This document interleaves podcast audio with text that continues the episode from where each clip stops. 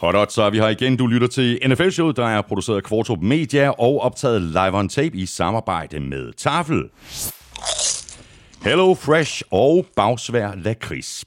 Og i forhold til øh, Bagsvær Lakrids, så trækker vi lod om en øh, ordentlig omgang håndlavet og prisvindende lakrids til en værdi af 290 kroner lidt senere i den her udsendelse, hvor vi også skal omkring øh, Hello Fresh og deres måltidskasser. Dem kan du øh, akkurat lige så godt rykke på med det samme. Du kan nemlig spare op til 550 kroner på dine første fire leveringer, og det kan du, hvis du går ind på hellofresh.dk og bruger koden NFL. Du kan også glæde dig til endnu en omgang af ugens spiller fra Tafel og den sædvanlige dækquiz fra Søren Armstrong, men øh, fokus i dag er selvfølgelig på draften. Vi tager kig på alle holdene og ser på, hvem der gjorde det godt og hvem der gjorde det mindre godt. Øh, vi kommer selvfølgelig ikke til at nævne alle spillere, men hvis du vil have det fulde overblik, så skal du tage smut ind på gulklud.dk, hvor det vælter med draftindhold og blandt andet er en oversigt over, hvilke spillere de enkelte hold de valgte hvornår. Du ved, hvor du finder os. Det er alle de sædvanlige steder. Derudover kan du lytte på lige præcis gulklud.dk og selvfølgelig på nflshow.dk, hvor du også har muligheden for at støtte os med et valgfrit beløb ved at trykke på linket til øh, tier.dk. Det ligger lige ved siden af et andet vigtigt link, og det er linket til øh, shoppen, hvor du kan købe lidt af vores merchandise. Tusind tak til alle, der støtter os. Tusind tak til alle, der har handlet i shoppen. Tak for de seneste anmeldelser i iTunes, og tak fordi du downloader og lytter og bruger lidt af din tid sammen med os. Jeg hedder Thomas Kvartrup, og her kommer min medvært.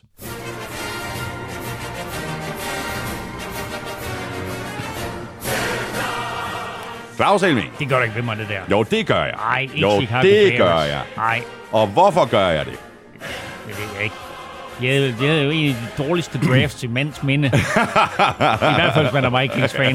ja, præcis.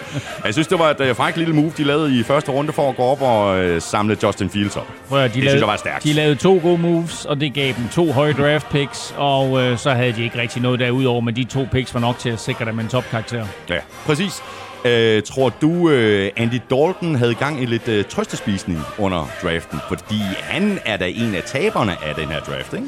Jo, det må man sige, men altså på den anden side, så var han jo nok også godt klar over, at han kun skulle være et enkelt år i Chicago, og nu bliver han så mere mentor, ja. end han bliver starter. Selvfølgelig tror jeg, at han starter fra dag et, men hans rolle bliver simpelthen at oplære Justin Fields. Præcis. Uh, havde du gang i noget trøstespisning uh, her torsdag, fredag, lørdag under draften, eller er du glad for Vikings draft? Nej, jeg finder altid en undskyldning for at trøste spise. Der er en grund til, at jeg ser sådan her ud, jo. Øh, nej, jeg synes faktisk, det var en fin draft. Øh, jeg har ikke øh, givet dem topkarakterer. Jeg har lavet en stor artikel inde på Google Klub med karakterer for alle hold. Og ikke givet dem, givet dem topkarakterer, men jeg synes egentlig, der var nogle okay picks imellem. Hmm, jeg har det på øh, nøjagtig samme måde med øh, 49ers. Øh, Jeg skulle i hvert fald ikke trøste spise. Jeg har fejret det med masser af taffelchips lige siden, at de to Trey Lance i stedet for øh, Mac Jones. Og det viser også, at alt det der Mac Jones-snak, det selvfølgelig var røgslør. Ja. Og jeg må bare sige, at øh, lige så fedt som jeg synes Twitter er, og lige så meget som det er en kilde til masser af den information, det er sådan, at jeg får, øh, og inspiration for den sags skyld, så skal man altså også være dygtig til at sortere. Fordi skal der er så meget bullshit derude. Især op mod draften. Nå, der det er det, jeg mener, op Ja. mod draften, Ja. ikke? Altså, der er så meget bullshit, og der er så mange, du ved, som gerne vil komme med en eller anden breaking news, og det er ren spekulation Det er eller spin, ja. hvor de simpelthen er blevet manipuleret. Og det er jo helt latterligt, at nogle af de der reportere der, som kalder sig selv for top NFL-reporter, at de lader sig selv øh, snyde og øh, drive rundt i managen Ikke, på den ikke måde, som mindst en der. chef der, ikke? Om det er altså Schäfer og Ian Rappaport. Altså, det er næsten de to værste, ikke? Øh, så der skal man altså ikke uh, tro på ret meget, der kommer ud af dem. Hold jer til det, I ved. Lad være med at spekulere. Det må være mm. konklusionen Jeg, skulle, lige- jeg troede lige, du skulle til at sige, hold jer til NFL-showet. Det kan man stole på. Elming, øh, sækken derovre. Øh, vi, skal ikke, øh, vi skal ikke trøste spise, men Nej. vi skal, vi skal smage lidt nyheder. Ja. Der er kun én pose. Ja, og jeg har glædet mig, fordi jeg så en tråd ind på Twitter, apropos, Ja. i går, Og den kan du stole på. øh, med en af vores vindere øh, i NFL-showet, Mhm. mm. som jo havde fået en kasse fra MVP Christina, som jo i den grad var, det var ikke kun otte poser, kan man vist roligt sige, den var proppet til. Og så var der den her, og Exactly. det var der faktisk en anden af NFL-shows lytter, der lagde mærke til, at det var en pose, han ikke havde set før. Så den tager jeg op her. Og den er sådan øh, let gullig, orange, rød. Øhm, og så står der med sådan amerikansk øh, inspireret font, Chili and Sour Cream Chicken Style. Og den er spritny. Den er spritny. Jeg har heller ikke smagt den, øh, så det bliver, det bliver super spændende. Øh, skal vi ikke åbne den? Vi åbner den. Ja.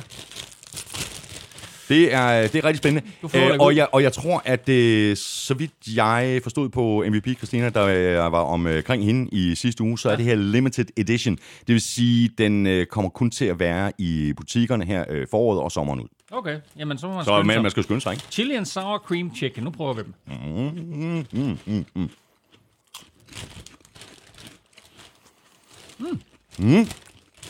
Og hun sagde også, at de ser så flot ud, når de kommer op i en skål.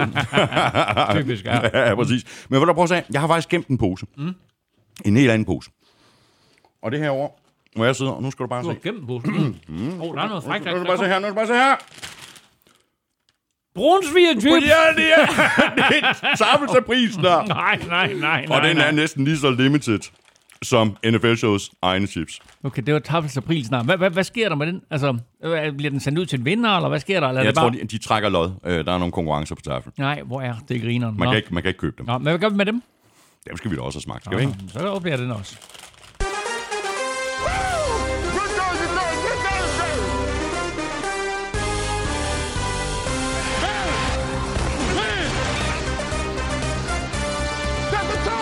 With the first pick in the 2021 NFL Draft. The Jacksonville Jaguars select Trevor Lawrence, quarterback Clemson.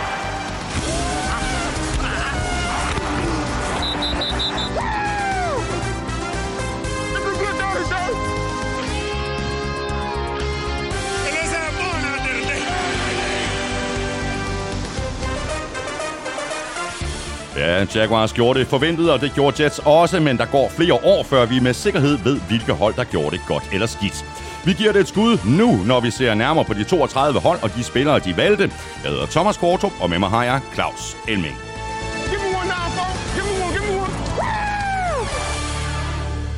Du var gang i de der brunsviger chips der. Jeg er gang i lidt det hele. Altså, de der chili and sour cream chicken der, de kommer, der, der er sådan et, et godt bid, der sådan kommer lidt... Den øh, kommer ja, nemlig. den, den er Ja, ret ja. De der, prøv lige at smage de der brunsviger chips. Det kommer nu. kommer nu. Og jeg fik at vide af, af, af Christina, at øh, det var noget, man skulle sådan lige, fordi de er jo håndlavet, de her, Ja. ja. ikke? Så man skal lige lade dem ligge lidt i munden, og sådan. Det er næsten ligesom at smage en, en vin, ikke? Så kommer, øh, kommer de forskellige smage og sådan. Det var det, hun sagde. det, er virkelig, det er virkelig mærkeligt. Men det, det, du, jeg, jeg, er jeg er stor fan af brun farin. Mine venner, de kalder jo bare brun farin for elmenkrydderiet. Mm, præcis. Det, de her chips her, det er med elmenkrydderiet. Ja, brun, brun farin, det er, øh, det er basiskrydderiet i dit køkken. Ja, er det. Brun Ikke? farin og smør. Mm, præcis, når du ikke laver Hello Fresh, ikke? Nej, nej, der kommer det også i. Nå, Elming, øh, inden vi skal øh, et smut til... Hold op, de er mærkelige, de her var. Men de smager faktisk meget godt. Mm. Inden vi skal til øh, Cleveland for at gå øh, draften igennem, så øh, skal vi lige et øh, smut omkring øh, Green Bay først, hvor der har været gang i den, siden vi sad her sidst. Der var der lige pludselig drama på drengen med øh, Aaron Rodgers øh, umiddelbart før draften. Ja, han fik jo meldt ud, at øh, han ikke øh, ville vende tilbage til klubben til den kommende sæson. Og det var der sådan flere, apropos Twitter, mm. øh, velanskrevne reporter, der kunne øh, fortælle, og kunne også fortælle, at øh, flere holdkammerater havde bekræftet det. Mm. Og så tog Aaron Rodgers ellers til Kentucky for at se hestevedløb, mens der var draft. Og det var jo helt tilfældigt, at han var dernede, og at alle vidste, at han var dernede. Så hvis man nu som journalist skulle have fat i ham og have en kommentar, så kunne man jo lige tage ned og stikke en mikrofon i hovedet på ham. Og så blev det jo meldt ud også, at øh, lidt senere blev, blev det jo konkretiseret, hvor han så sagde, at øh, han kom ikke tilbage til, til Packers, så længe Brian Gutekunst Ja, præcis. var general manager. Ja. Og det var trods alt noget af en, af en udmelding. Og så kom de helt store rygter jo. Og det var, at der var en trade i gang. At øh, flere hold havde henvendt sig mm. Omkring at få fat i Aaron Rodgers. Og der var mange Broncos-fans derude, som mere eller mindre løb rundt med armen over hovedet, fordi den var så sikker som armen i kirken, ja. at han havde skrevet under på en kontrakt, eller Broncos og Packers var blevet enige om, at Aaron Rodgers han skulle til Broncos. Det skete ikke. Nej. Og prøv at høre, Aaron Rodgers, han spiller i Green Bay. Jeg kan ikke se ham forlade Green Bay. Også selvom Gutekunst bliver, og det tror jeg også, han bliver. Præcis. De bliver der begge to, og øh, som øh, en tidligere general manager for Green Bay Packers har sagt, Andrew Brandt, det er ikke et spørgsmål om at være gode venner fra januar til september. Det er et spørgsmål om at være gode venner fra september til januar. ja, ja, præcis. Nå, så har vi fået lidt øh, spørgsmål angående øh, draften, og som jeg jo øh, sagde indledningsvis, så er der et øh, hav af historier på øh, uh, gulklud.dk om draften. Øh, du har for eksempel øh, uddelt øh, karakterer til, til holdene, og så har vi her øh, Jakob Mark Hansen, der skrev sådan her på øh, mailen i går. Hej Q, kan du ikke lige spørge Elming, om han endnu engang har siddet og filosoferet og kigget ud over stillehed fra den amerikanske østkyst? I sine karakterer til alle hold i forbindelse med draften skriver han nemlig, at Washington Red øh, Football Team får den hurtigste receiver duo vest for Kansas City efter at have draftet Jamie Brown. Det kan selvfølgelig godt være, at fodboldteam er flyttet til staten Washington efter deres sløje draft, så de ikke længere befinder sig øst for Kansas City – Tak for et forrygende program. Jeg kan ikke se problemer. Vest, men har du, men, men har du, har du siddet og filosoferet? Ja, det gør jeg altid, men, men altså vest for Kansas City, det er jo bare hele vejen ud over den kaliforniske kyst, ikke? Ud omkring Japan, Asien, hele vejen rundt omkring Europa, og så tilbage til Washington, ikke? Exakt, du har regnet det. er et rimelig stort område, det dækker det der. Spørgsmål her fra øh, Kurt Poulsen. Jeg har set øh, billeder fra flere draft rooms. Hvorfor er de så mange folk samlet? Det er et meget sjovt spørgsmål, øhm, og jeg skrev til øh, en af mine gode bekendte, som arbejder for Green Bay Packers. Sådan en har jeg faktisk. Mm-hmm. Og han øh, skrev tilbage øh, meget uddybende omkring, hvorfor at der var så mange mennesker. Og det mest interessante i det, det var sådan set, at de billeder, vi ser, det er jo umiddelbart efter, at picket er lavet. Mm. Og der kommer alle assisterende trænere øh, og koordinatorer ind i rummet, øh, for lige at juble med de andre, og også lige for at give den her nydraftede knægt et kald og ønske ham velkommen i klubben. Så inden de ligesom kommer ind, så er det headcoachen, det er general manageren, og så er det øh, chefspejderen, øh, som sidder derinde. Og så alle spejderne, som har, øh, har altså alle de her scouts, som ligesom har styr på alle øh, nationale og regionale spillere osv. Derudover så skrev øh, Daryl fra Green Bay til mig også, at der også er holdlægen til stede, mm. og også sådan en fysisk træner, sådan så hvis der er spørgsmål til det, så øh, er de altså også øh, på plads til, at man lynhurtigt lige kan, kan få, øh, få øh, svar på nogle spørgsmål, man måtte have omkring en eller anden fyr, øh, fysik eller skadeshistorik. Og så en meget sjov lille detalje også. Så skriver han, The travel guy is there to get the players info to get the flights booked. Ja, det er godt. Så så snart, ja. at, øh, at en spiller er draftet, jamen så det næste, der skal ske, det er, at han skal ombord på et fly, og så skal han ellers mm. til, til Green Bay eller Seattle, eller hvor han, øh, han nu skal hen. Uh, så, så derfor så ser vi så mange mennesker i det her billede øh, i, i War Roomet. Morten Madsen skriver til os uh, lige et spørgsmål angående tiden, der tæller ned mellem hvert pick. Hvis uh, tiden overskrides, får et hold så en økonomisk straf eller lignende, og er det før sket, at et hold har overskrevet tiden? Først og fremmest er det før sket. Uh, Minnesota Vikings har gjort det ikke bare én gang, men to gange, og nu er det selvfølgelig lige noget, som jeg kan huske. Det kan godt være, at der er andre hold, som har gjort det også. Nej, de får ikke en straf, men de kan først drafte næste gang. Og hvis det hold som drafter, øh, efter at de har mistet deres pick, allerede har indleveret øh, deres pick, og for den sags skyld det næste hold igen og det næste hold igen, så kan de først få lov til at drafte i det øjeblik, at der er et åbent hul. Så det drejer sig altså om øh, at, at få indleveret sit pick der inden for øh, de 10 minutter, der nu er i første runde. Og lykkes det ikke, jamen altså, så skal man så skynde sig at få det gjort inden andre hold, fordi det er klart, at hvis der er et andet hold, der så ser, hov, ham her, ham vi egentlig gerne have fat i, mm. og Vikings, de har fucket op, vi skal bare ind med et pick nu og her. Mm. Øh, men jeg kan faktisk huske et af de år, hvor Vikings missede deres pick, det var, at øh, der fik, jeg tror, de draftede med nummer 7 eller sådan noget andet, og så blev de faktisk snydt med både 7 og 8, og så drafter de med nummer 9. Det er, altså, det, det er sådan sjusset frem, det kan også være, at det var 6 til 8 eller, eller men lad os sige med, med, med pick 9, der drafter de Kevin Williams. Øh, to pladser senere, øh, end, end de egentlig skulle have draftet ham, men han ender med at blive en superstjerne for Vikings i mange år, og var en del af den der Williams wall på den øh, defensive linje. Mm.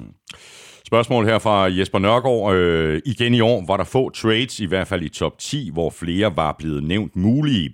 Tror I, at øh, telefonerne har ringet meget i de forskellige war rooms, men at de ikke kunne blive enige om trade-prisen? Og det øh, er, helt konkret, at det, det var faktisk et tilfælde, især for Falcons, som øh, ikke var villige til at give slip på det fjerde valg, de sad med, for den pris, de blev tilbudt. Så de endte altså med at blive hængende, og endte med at drafte Kyle Pitts, men der var angiveligt øh, flere andre klubber, som havde fået tilbud, og der var også et, øh, et, et rygte frem om, at øh, 49ers var i gang med at, at trade det der øh, tredje pick, som, som de havde erhvervet sig ganske dyrt, mm. at lige pludselig så skulle det øh, trades for, for noget endnu mere.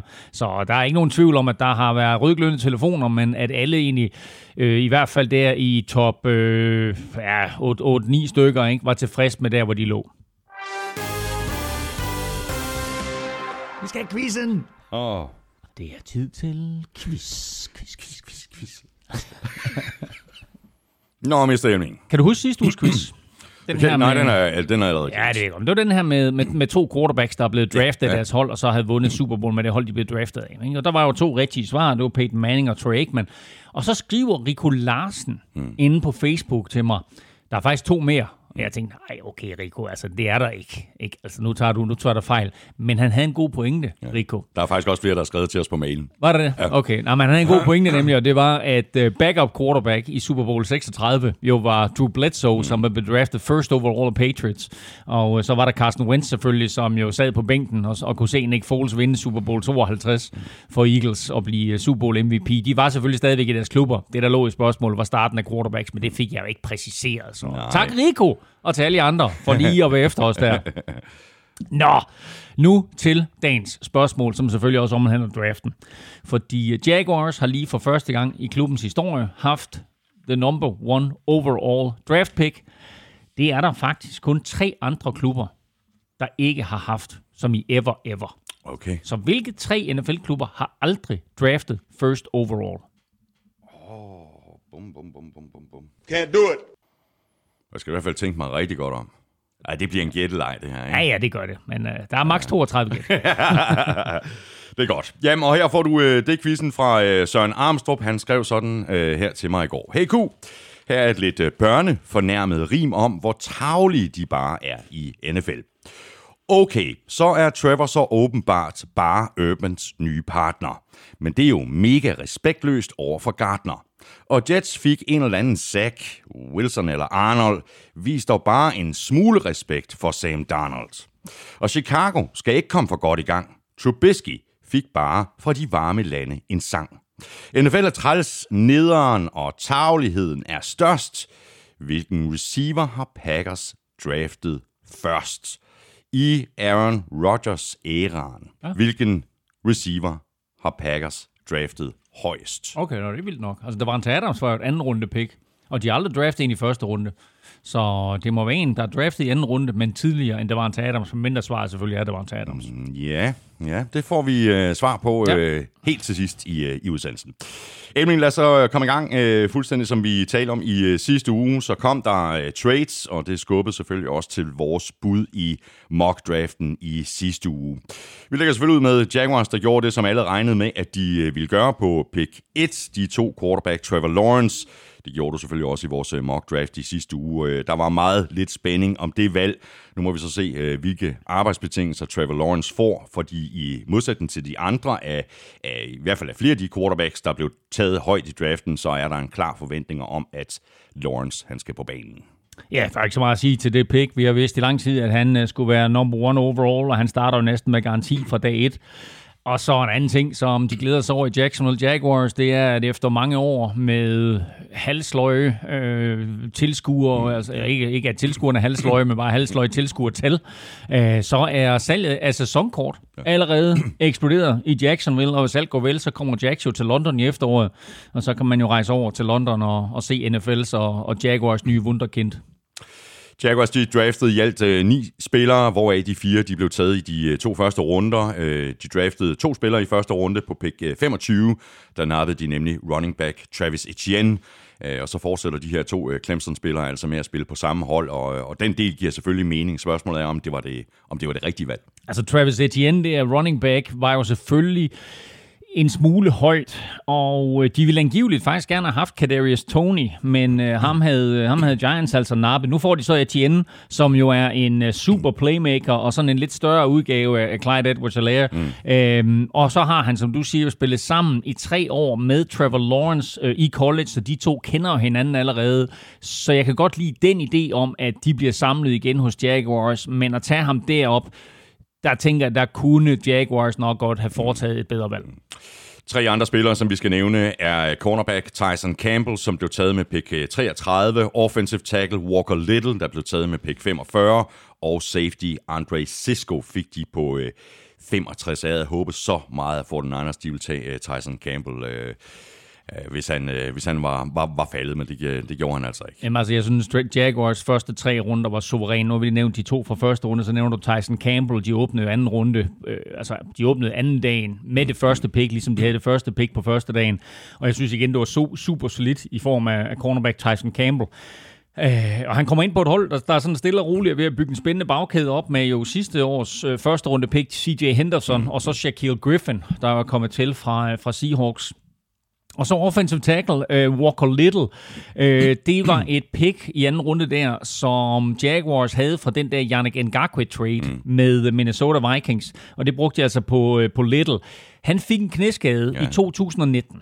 Og han, er, han har nærmest ikke spillet i to år. Lidt et sats måske. Præcis. Ja, men, men det er måske netop derfor, at han er faldet mm, ud af mm, første mm. runde. De tager et, et sats på ham her, men altså er han tilbage i sin 2019-form inden den der knæskade der, så er det altså en spiller, som mange havde forventet skulle gå i første runde, og nu får de ham altså der sent i anden. Og så må jeg lige nævne Andre Sisko der i tredje runde, som jeg har nævnt et par gange også i vores optagsudsendelser. Jeg er fuld fuldstændig vild med ham, og øh, ser ham som sådan en hard-hitting safety, øh, som kan komme ind og, øh, og, og om ikke tage ligaen med storm, så i hvert fald indgyde noget respekt hos modstanderne. Glæder til at se Andre Cisco. Og så har vi øh, Jets på øh, pick 2. Øh, her gik det også, som vi og de fleste andre regnede med, at det ville gøre. Jeg vaklede lidt mellem Justin Fields og Zach Wilson i mokken i sidste uge. Jeg tog Zach Wilson, og det var så også det, som Jets gjorde.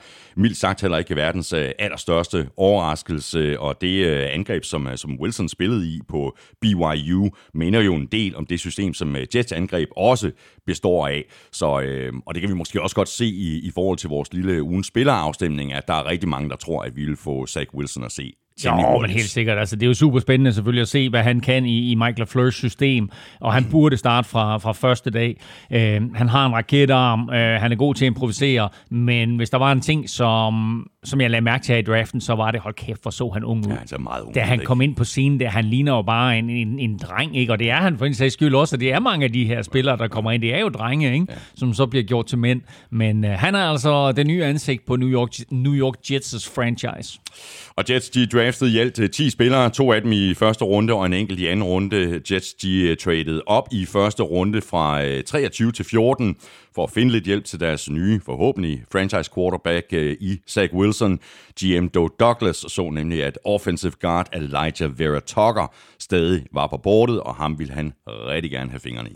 Og så tradede han op og øh, fik fat i ham, og det var jo super fint, at de allerede nu øh, adressere den offensive linje. Husk på, at de hævde Mackay Becton ind sidste år, og nu hiver de altså Elijah Vera Tucker ind allerede her i første runde, hvor de aggressivt trader op i første runde for at få ham. Så rigtig, rigtig fint, at de øh, skaffer noget beskyttelse til, øh, til Zach Wilson, og et eller andet sted, der sidder Sam Darnolds mor bare stadigvæk er pisse sur ja, på, på, på, på Jets. Ja, det kunne, I, det kunne I godt have gjort lidt tidligere. Ikke? Præcis. Så et giver de ham øh, beskyttelse, og så to i anden runde, så får de jo en receiver i Elijah Moore, som mange havde set gå i første runde, så virkelig, virkelig et super pick af dem her, og et pick, som omgående vil, øh, vil gøre øh, Zach Wilson, eller give Zach, øh, Zach Wilson et, et sjovt våben at lege med. Han er lille, han er hurtig, øh, han er sådan øh, den, den, den perfekte slot receiver, øh, og, og passer jo meget godt også ind i nogle af de her receiver, vi har set 49ers øh, drafte, som passer ind i, i Shanahans system der, og det system, som, som Jets jo kommer til at overtage lidt.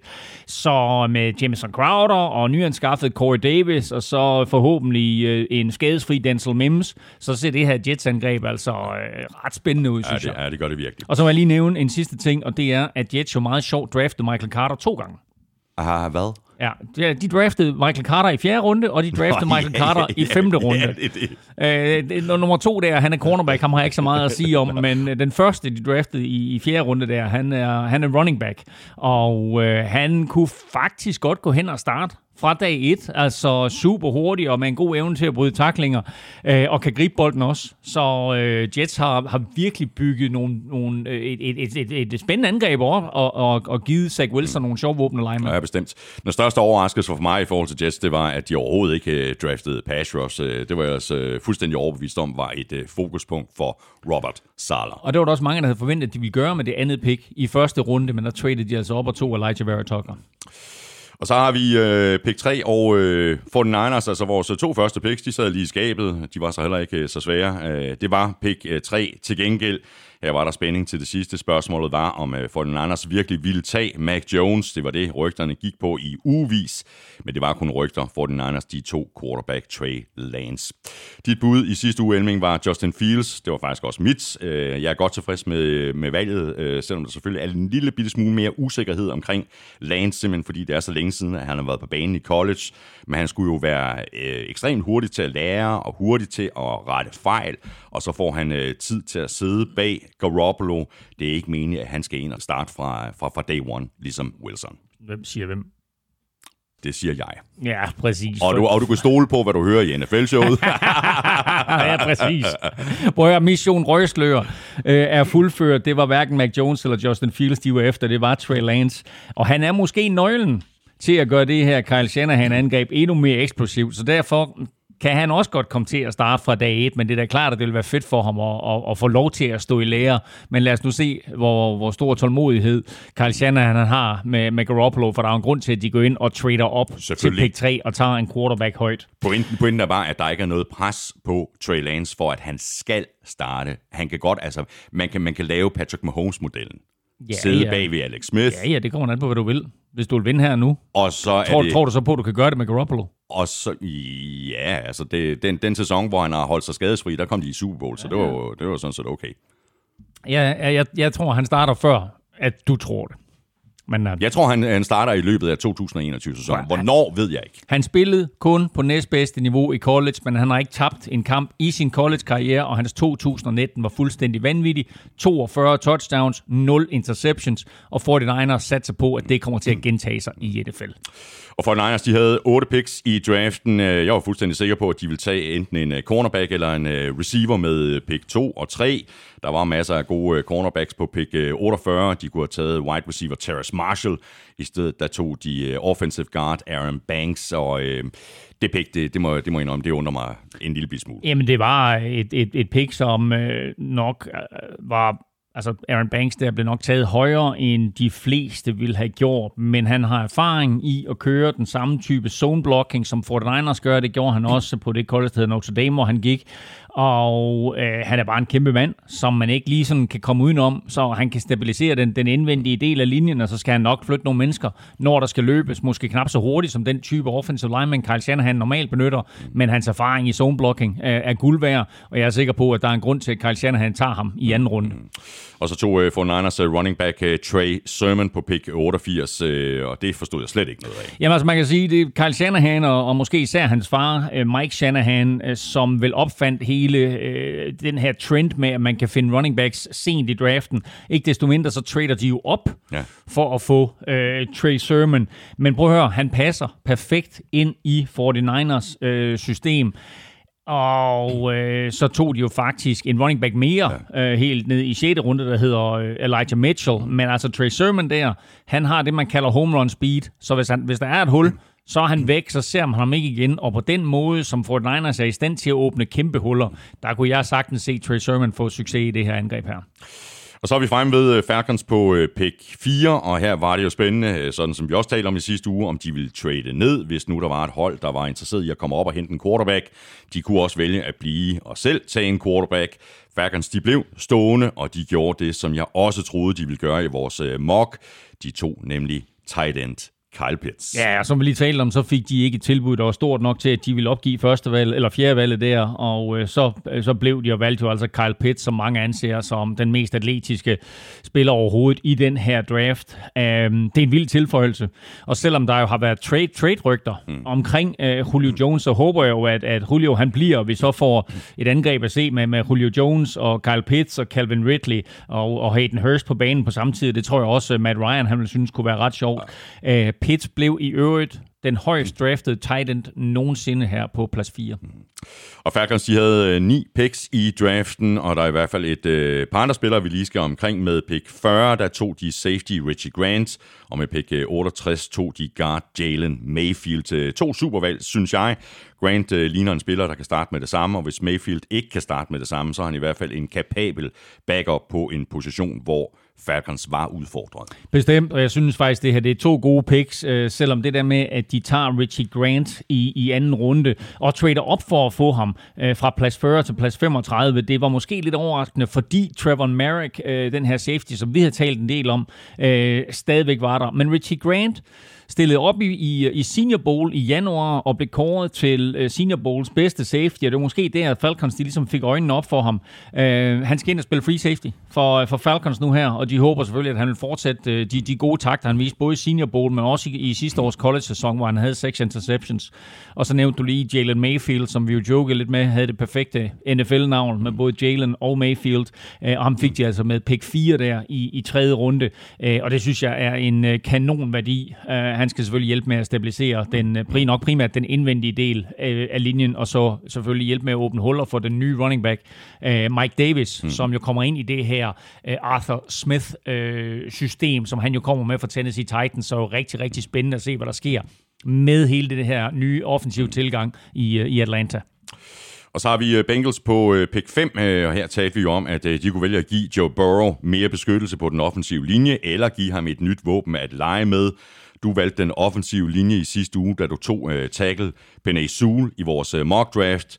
Bengals gik altså med den anden strategi, nemlig et nyt våben, og det blev wide receiver Jamar Chase. Ikke et ondt ord om Chase, han er en øh, fantastisk spiller, øh, men med tanke på Jaboris øh, skade sidste år, så tror jeg nok, at jeg ville have valgt den offensive linje, men øh, den adresserede de så også senere i draft. Ja, det gjorde de, men altså, man, man kan sige det på den måde, at øh, jeg var nok lidt naiv, da jeg, da jeg øh, stod for det der femte pick i vores mock draft, fordi jeg tænkte, nej, de vælger selvfølgelig en offensive lineman, men nej, det er ikke nær så sexet at tage en offensive lineman, som det er at tage Jamar Chase, det det. og så lade Joe Burrow og Jamar Chase fortsætte deres fremragende samarbejde fra da de gik øh, på, på college der i, i LSU. Øh, så det var våben eller beskyttelse, og, og, øh, og, og Bengals valgte jo altså øh, det sidste, øh, og det giver dem jo en ret vild trio nu på receiver med T. Higgins, som de draftede sidste år, så Jamar Chase, mm. og så Tyler Boyd, der ikke på ja. nogen måder er en, en dårlig receiver. Og så i anden runde, som du siger, jamen der hentede de så hjælp ind øh, til den offensive linje i form af en fyr, der hedder Jackson Carmen. Mm. Og øh, han var lidt en overraskelse for mig, men jo fedt, at de adresserer den offensive linje allerede her i anden runde. Jeg kender ikke så meget til ham, men øh, han er en stor dreng, som bare trynede folk i college. Øh, det får han svært ved i NFL på samme måde, men øh, som jeg lige hørte, så bliver han rykket fra, fra tackle til guard, og øh, mm. så draftede de i øvrigt også en rigtig tackle i fjerde runde, der hedder Dante Smith, så de har altså haft fokus mm. på den offensive linje. Og Bengals de endte med at øh, drafte 10 spillere. Øh, synes jeg faktisk også, det var et rigtig godt øh, valg i toppen af tredje runde på pick øh, 69. Defensive end Joseph Osai. øh, virkelig en... Øh, atletisk spiller med det, som jeg tror, man øh, i NFL-verdenen kalder for high character. Ja, og, og prøv at høre, det var jo klasseværdi i tredje runde, at de kunne få Joseph Fasai, øh, som nogle draft-eksperter jo havde øh, i, i første runde, og som jeg spekulerede lidt i, ville passe godt til Steelers. Nu, øh, nu stjæler Bengals øh, ham altså for næsten af Steelers en, en divisionsrival, øh, og så fik de jo faktisk endnu en edge, Cameron Sable, i, i runden efter, øh, som godt kan minde lidt om Carl Lawson, de jo har sagt farvel til. Mm. Så to virkelig, virkelig øh, spændende tilføjelser på edge-defensive end, men jeg især Joseph Osai, at de kan få ham i tredje runde, ja. det er en gave. Ja, det er det. Og så skulle Bengals jo også adressere kickerpositionen, og de nappede så Evan McPherson med pick 149, så altså en kicker i femte runde. Og der var 259 spillere i alt, der blev draftet i år, øh, og ud af det var der kun én kicker, én ponder og to long, long snapper, så det var jo ikke ligefrem en uh, tung draft for, for, for specialister. Uh, Evan McPherson var den eneste kicker, der fik råbt sit navn op i selve draften. Uh, men efter draften, der hentede Titans, Chargers, Vikings og Buccaneers alle en kicker under, som det man kalder uh, unrestricted, uh, nej ikke unrestricted, undrafted free agent. Ja. Sidste spiller, jeg lige vil nævne, uh, det er running back Chris Evans, der blev taget med pick 202. Han har, så vidt jeg forstår det, haft lidt uh, problemer med det boglige men han kan godt vise sig at være et øh, stil så sent i draften. Så er vi fremme ved øh, pick øh, 6 og Dolphins, og her var det jo spændende at se, hvorfor de havde valgt at trade op igen, efter at de jo havde traded ned til 12 med 49ers. Hvilken spiller var de på udkig efter her? Jeg havde dem til at tage wide receiver Jamar Chase. Han smuttede jo så øh, på 5 til Bengals i den rigtige draft. Og mit resonemang i sidste uge var fuldstændig det samme som dit ved Bengals. Offensiv linje eller wide receiver. Og det blev en øh, wide receiver, som Dolphins valgte, nemlig Jalen Waddle, som i vores mock faldt helt ned til pick 19. Ja, men som vi også sagde sidste uge, at det var nok det mest urealistiske, ja, ja. I, urealistiske i vores mock draft, at Jalen Waddle ville falde så langt, at han så går heroppe med pick nummer 6. Det var måske overraskende for mange, men der var jo sådan en trend her i første runde omkring at give tidligere college quarterbacks deres college receiver. Ja. Så vi så Jamar Chase til Joe Burrow, nu ser vi Jalen Waddle her til, uh, til Tua Tagovailoa, og lidt senere der så vi så Jalen Hurts få uh, Davante Smith. Uh, men jeg tror, de vælger Jalen Waddle over Davante Smith, som er holdkammerater i college. Jeg tror, de vælger ham simpelthen, fordi han er større, og hans krop måske er mere NFL-parat end Devontae Smith. Og så har han jo hele det her Tyreek Hill øh, over sig, mm. som de jo også har set, hvor hvor stor succes man kan have med, og hvor vigtigt det er at have sådan en af, en af de der home run-trusler øh, på, på receiverpladsen. Og så er spørgsmålet jo bare om Tua, han kan levere bolden, men det gjorde han i college, og så skal Jalen Waddle levere nu på NFL-niveau. Ja, præcis. Dolphins de gik fra øh, draften med øh, syv nye spillere. De fire af dem blev nappet i de to første runder så har man jo også noget at, at, at skyde med. Med deres øh, andet pick, der tog de edge rusher Jalen Phillips, super talentfuld... Andet pick, som vel og mærke også var i første runde. Ja, præcis. Uh, super talentfuld spiller, der så uh, også har haft lidt problemer med skader. Ja, det må man sige i den grad. Han har faktisk set helt ud af college football, fordi han fik tre hjernerystelser er en, en dygtig musiker også, og, og, og havde egentlig slået sig ind på musikkens verden, men fik så lyst til at spille fodbold igen. Kommer tilbage, sidder et år ude, tager til Miami, spiller for Miami Hurricanes, er helt, helt igennem forrygende og overhaler jo mere eller mindre alle andre øh, edge rushers. Øh, nu bliver han taget her af Miami, som selvfølgelig tager en chance på ham. Han fortalte efterfølgende, at uh, han var lykkelig for at blive i Miami. Nu har han spillet college football i Miami, nu er han lykkelig for at blive i Miami. Men han havde lige nået at flytte alle sine ting hjem til vestkysten. Han er fra Kalifornien, så han havde lige nået at flytte alle sine ting. Mm. Nu skal de så flyttes tilbage okay. til Miami. En chance, de tager, men det her det kan være et kæmpe stil for dem. Ja, det kan det virkelig. Og så to Dolphins uh, safety Javon Holland på pick uh, 36 og offensive tackle Liam Eichenberg på 42. Og det er altså to øh, solide valg på positioner, hvor Dolphins havde behov for at opgradere, og tight end Hunter Long på 81 er jo ikke noget tosset valg. Nej, og nu nævner du en masse picks her for, for Dolphins, og mange høje draft picks, og det er jo en, en, en del af hele den proces, Dolphins de har været igennem, nemlig at de har jo simpelthen skrabet øh, draft picks til sig i år og næste år. Så det generationsskifte, vi har set, øh, er begyndt i Dolphins, og endda med succes, det kommer altså til virkelig at få en, en, et spark i røven nu her, både i år og til næste år, fordi de får rigtig, rigtig mange dygtige spillere ind. Det var måske nok noget overraskende, at de to safety, Javon Holland som den allerførste safety i årets draft igen, fordi øh, uh, Trevor Merrick, som, som vi jo talte, talte en del om, uh, stadigvæk uh, var der, men uh, med måske den bedste duo overhovedet på cornerback i NFL, i form af Byron Jones og Savian Howard, så henter de altså nu hjælp ind i, uh, hvad skal sige, til, til, til rummet bag dem, i form af, af Javon Holland. Uh, klog øh, spiller, øh, som kan hjælpe både mod løb og kast. Øh, og øh, ikke en spiller sådan over i Jamal Adams-kategorien, øh, men trods alt en spiller, som, som, som kan komme op og, og lave taklinger op omkring øh, line of scrimmage. Og så Liam Ivenberg, som de tager der, offensive tackle eller lad os kalde ham offensive lineman. Øh, han er fra Notre Dame, og som du måske husker, så sammenligner jeg ham lidt med Zach Martin. Han er nok ikke lige så god som Zach Martin, men lidt den samme type, som starter på tackle i college, og så bliver rykket ind på guard, og nok skal blive en, en rigtig, rigtig fin spiller der i NFL for, øh, for, for, for øh, Dolphins. Og så lige sidst, Hunter Long, som du nævner, meget, meget interessant med Dolphins, at de nu har tre rigtig... De vil faktisk gerne have haft Kyle Pitts.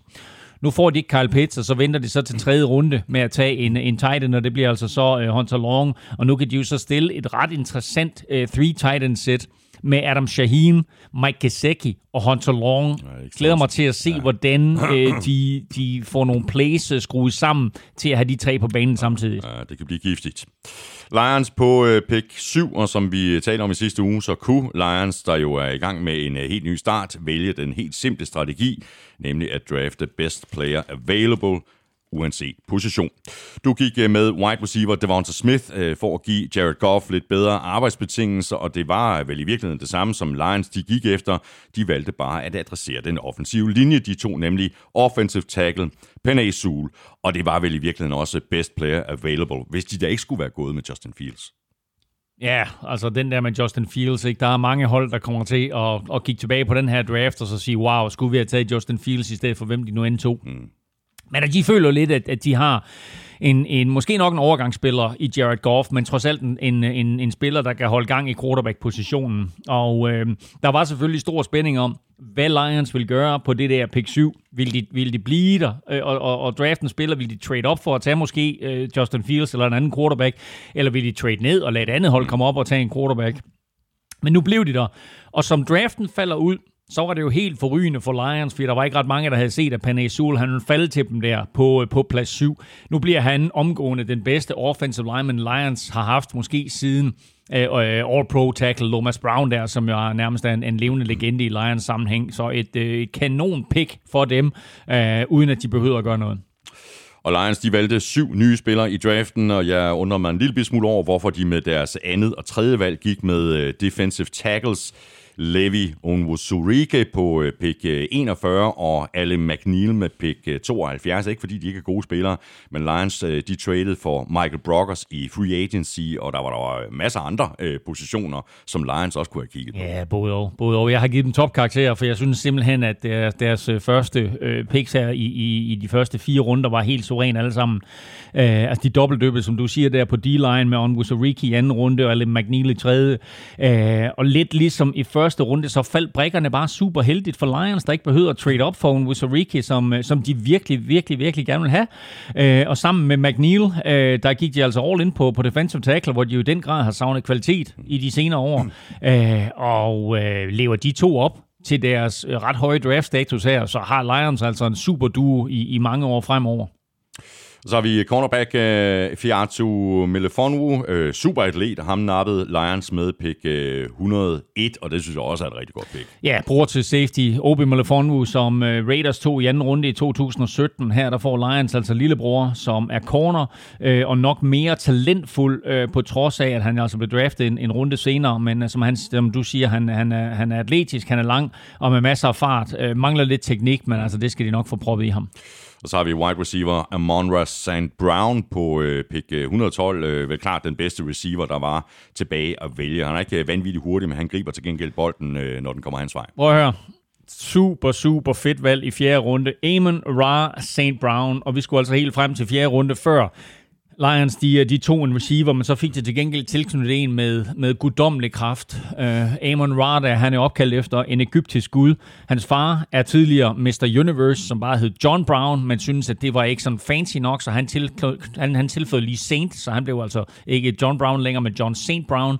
Equiminius St. Brown, der spiller for Packers, er hans bror, som er opkaldt efter sådan en eller anden savnlegende, og her der har du altså øh, Amon Ra, som er opkaldt efter en egyptisk gud, og så kommer der en tredje bror snart, som også er opkaldt efter et eller andet øh, græsk eller øh, egyptisk vidunder.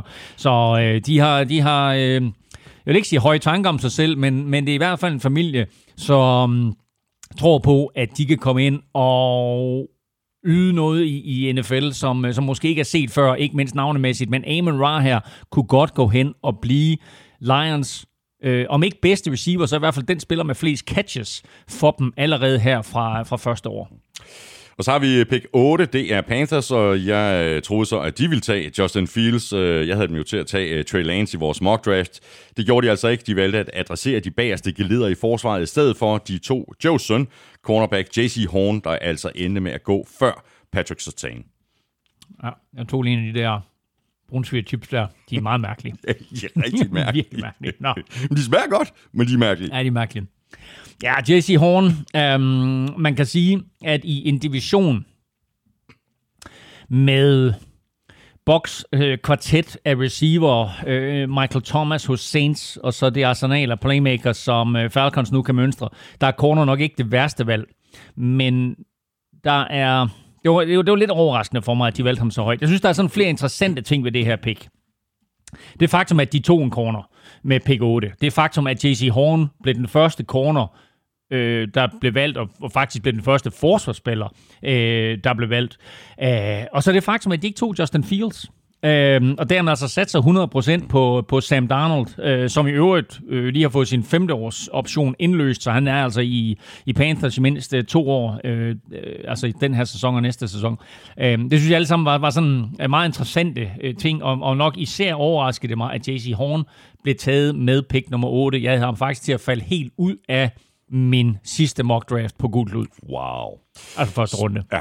Sidste år, der brugte Panthers jo alle deres øh, syv draft picks på forsvaret. I år, der havde øh, Panthers hele 11 picks at gøre godt med, og de blev fordelt noget mere ligeligt mellem forsvar og angreb.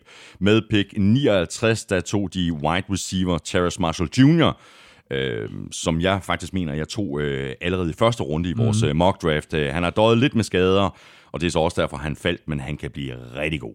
Ved du, hvad der er sjovt ved Terrace Marshall Jr. i forhold til Panthers, og det faktum, at de tog ham i anden runde? Nej. At det var den første angrebsspiller, Panthers overhovedet har valgt under Matt Rule.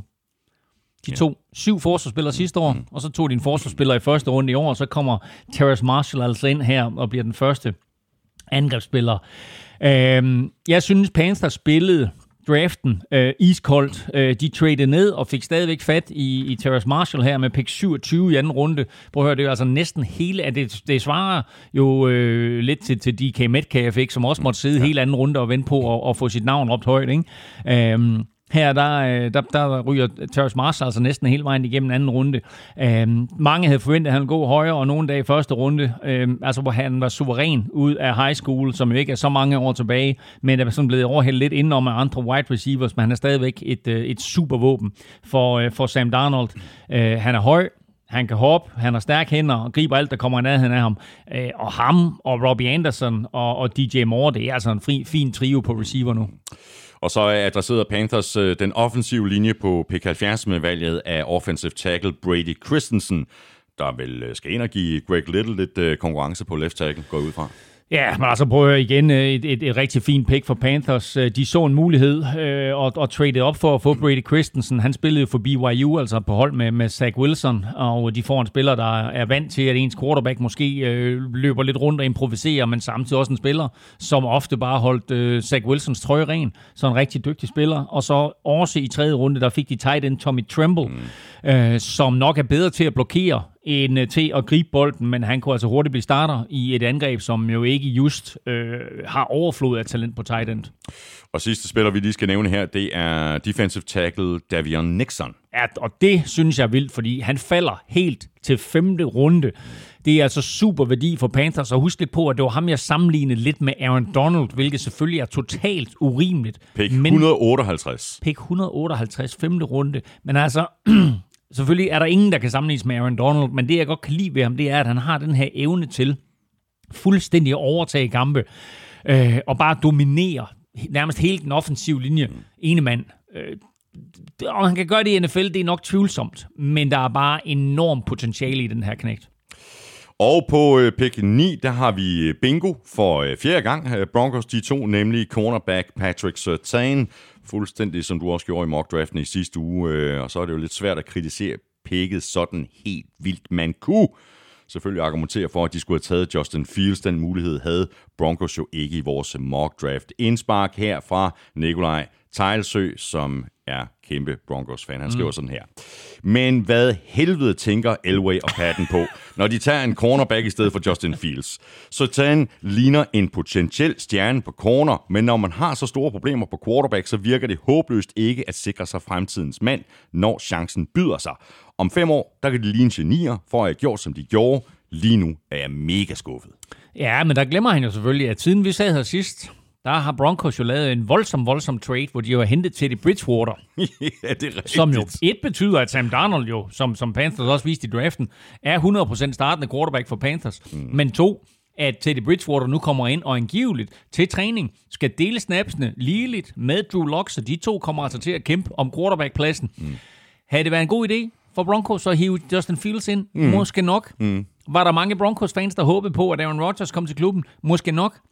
Nu kan de i stedet for glæde sig over, at de fik søn, sønnen af Patrick Sertan, nemlig Patrick Sertan Jr., um, og det er da klart, at det er en beslutning, som kommer til at blive analyseret og vurderet i årene fremover. Hvis Justin Fields han ja. får kæmpe succes for Chicago Bears, ja. så sidder de nok og græmmer sig i, uh, i, i Broncos land. Men uh, en super corner, de får ind her, og vi må bare konstatere, at uh, han kommer ind i en, uh, i en gruppe, uh, en bagkæde hos Broncos, som jo i den grad er ved at være stjernespækket. Altså Kyle Fuller på corner, uh, hvad hedder han, Ronald Darby på corner, og så de to safeties, Kareem Jackson og Justin Simmons, og nu altså med tilføjelsen af Patrick Sertan. No fly zone. Præcis, som vi har talt om et par gange.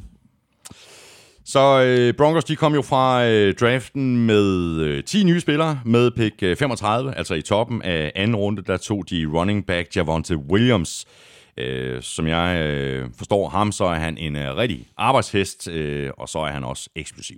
Ja, det overrasker mig lidt, at de traded op for at få Javonte Williams, men, øh, og især når de i forvejen har både Melvin Gordon og Royce Freeman. Øh, men jeg tror måske, de er lidt i chok over, at der gik to running backs i første runde, som mange andre jo selvfølgelig var. Øh, og de turde nok ikke sats på, at, øh, at Williams han var der øh, senere i anden runde. Og de får altså en, øh, du kan kalde ham arbejdshest, du kan også kalde ham stud øh, running back. Øh, men altså igen, hvis de nu havde adresseret quarterback-positionen, altså for eksempel med at tage Davis Mills, så var der ikke nogen, der havde rynket på næsen nej, af det. Nej. Så det er, det er også et, et, et lidt spændende pick her. Mm. Og pick 98 øh, gik til den offensive linje guard Quinn Miners, øh, der øh, potentielt øh, allerede øh, kunne være gået i anden runde, og det kunne øh, linebacker Baron Browning i virkeligheden også. Ham fik Broncos på pick 105. Ja, Quinn Miners der har spillet på et lavt college-niveau, men har kæmpe potentiale, så ham, ham glæder de sig til, sig til at se, og, og som du, altså han kunne måske endda også komme ind og, og starte fra, fra dag 1 på den offensive linje. Og så linebacker Baron Browning, han var faktisk fredagens sidste pick, altså det sidste pick i tredje runde. Øh, og jeg synes faktisk, at Broncos de kan klappe sig selv øh, lidt på ryggen over et par gode dage, hvor baronen her er et øh, solidt sidste pick i tredje runde. Øh, en meget alsidig linebacker, der kan rushe quarterbacken og droppe tilbage i opdækning, øh, og, og endnu en forstærkning til et forsvar, der tegner til at blive virkelig godt. Men det helt store spørgsmålstegn efter de her to første dage, det er selvfølgelig, skulle Broncos have taget en quarterback? Og så fik vi det øh, første trade under selve draften på øh, pick 10, og det var et øh, trade internt i NFC East. Så har man set det med Eagles og Cowboys som, som de bedste venner. Picket tilhørte Cowboys, og det var jo her, at jeg havde den til at tage linebacker Micah Parsons. Ham fik de så et par picks senere, så det er også tæt på at være bingo. Næsten da i hvert fald. Men Eagles traded altså op fra 12 til 10 og det gjorde de for at tage wide receiver Devonta Smith. Øh, det må man sige er så er 100% øh, fokus fra Eagles side. De tog også en wide receiver i øh, første runde sidste år, nemlig Jalen Rager. Jamen, det var så til gengæld ikke så heldigt. Det her, det er der med stor sandsynlighed større succes ved. Og det, det sjove ved det her, det er jo det der med, at de trader to pladser op, øh, og at det er en trade med Cowboys, som vi jo talte om i sidste uge, at det er så sjældent, at man ser de her trades i draften mellem klub eller mellem øh, rivaler fra samme division. Men man kan jo bare konstatere, at selvom Cowboys og Eagles er rivaler, så er der altså ingen af dem, der kan lide Giants. fordi det var nemlig Giants, der blev snydt i hele den her proces. Uh, Eagles, de napper Devontae Smith lige for næsen af Giants, som angiveligt uh, var, var ude efter ham. Og som vi lige nævnte tidligere også, altså, så bliver Devontae Smith uh, nu forenet, genforenet med sin uh, college quarterback i et enkelt år, der Jalen Hurts Øh, og jeg glæder mig bare til at se, hvordan han klarer sig i NFL, fordi altså på en god dag, der er han 70 kilo, øh, og det er meget let for en, en NFL-receiver. Øh, Eagles kunne også have taget en quarterback mm. i Justin Fields, mm. og det er klart, at det kommer man også til at kigge på i årene fremover, og især alt afhængig af, hvordan Jalen Hurts han klarer sig.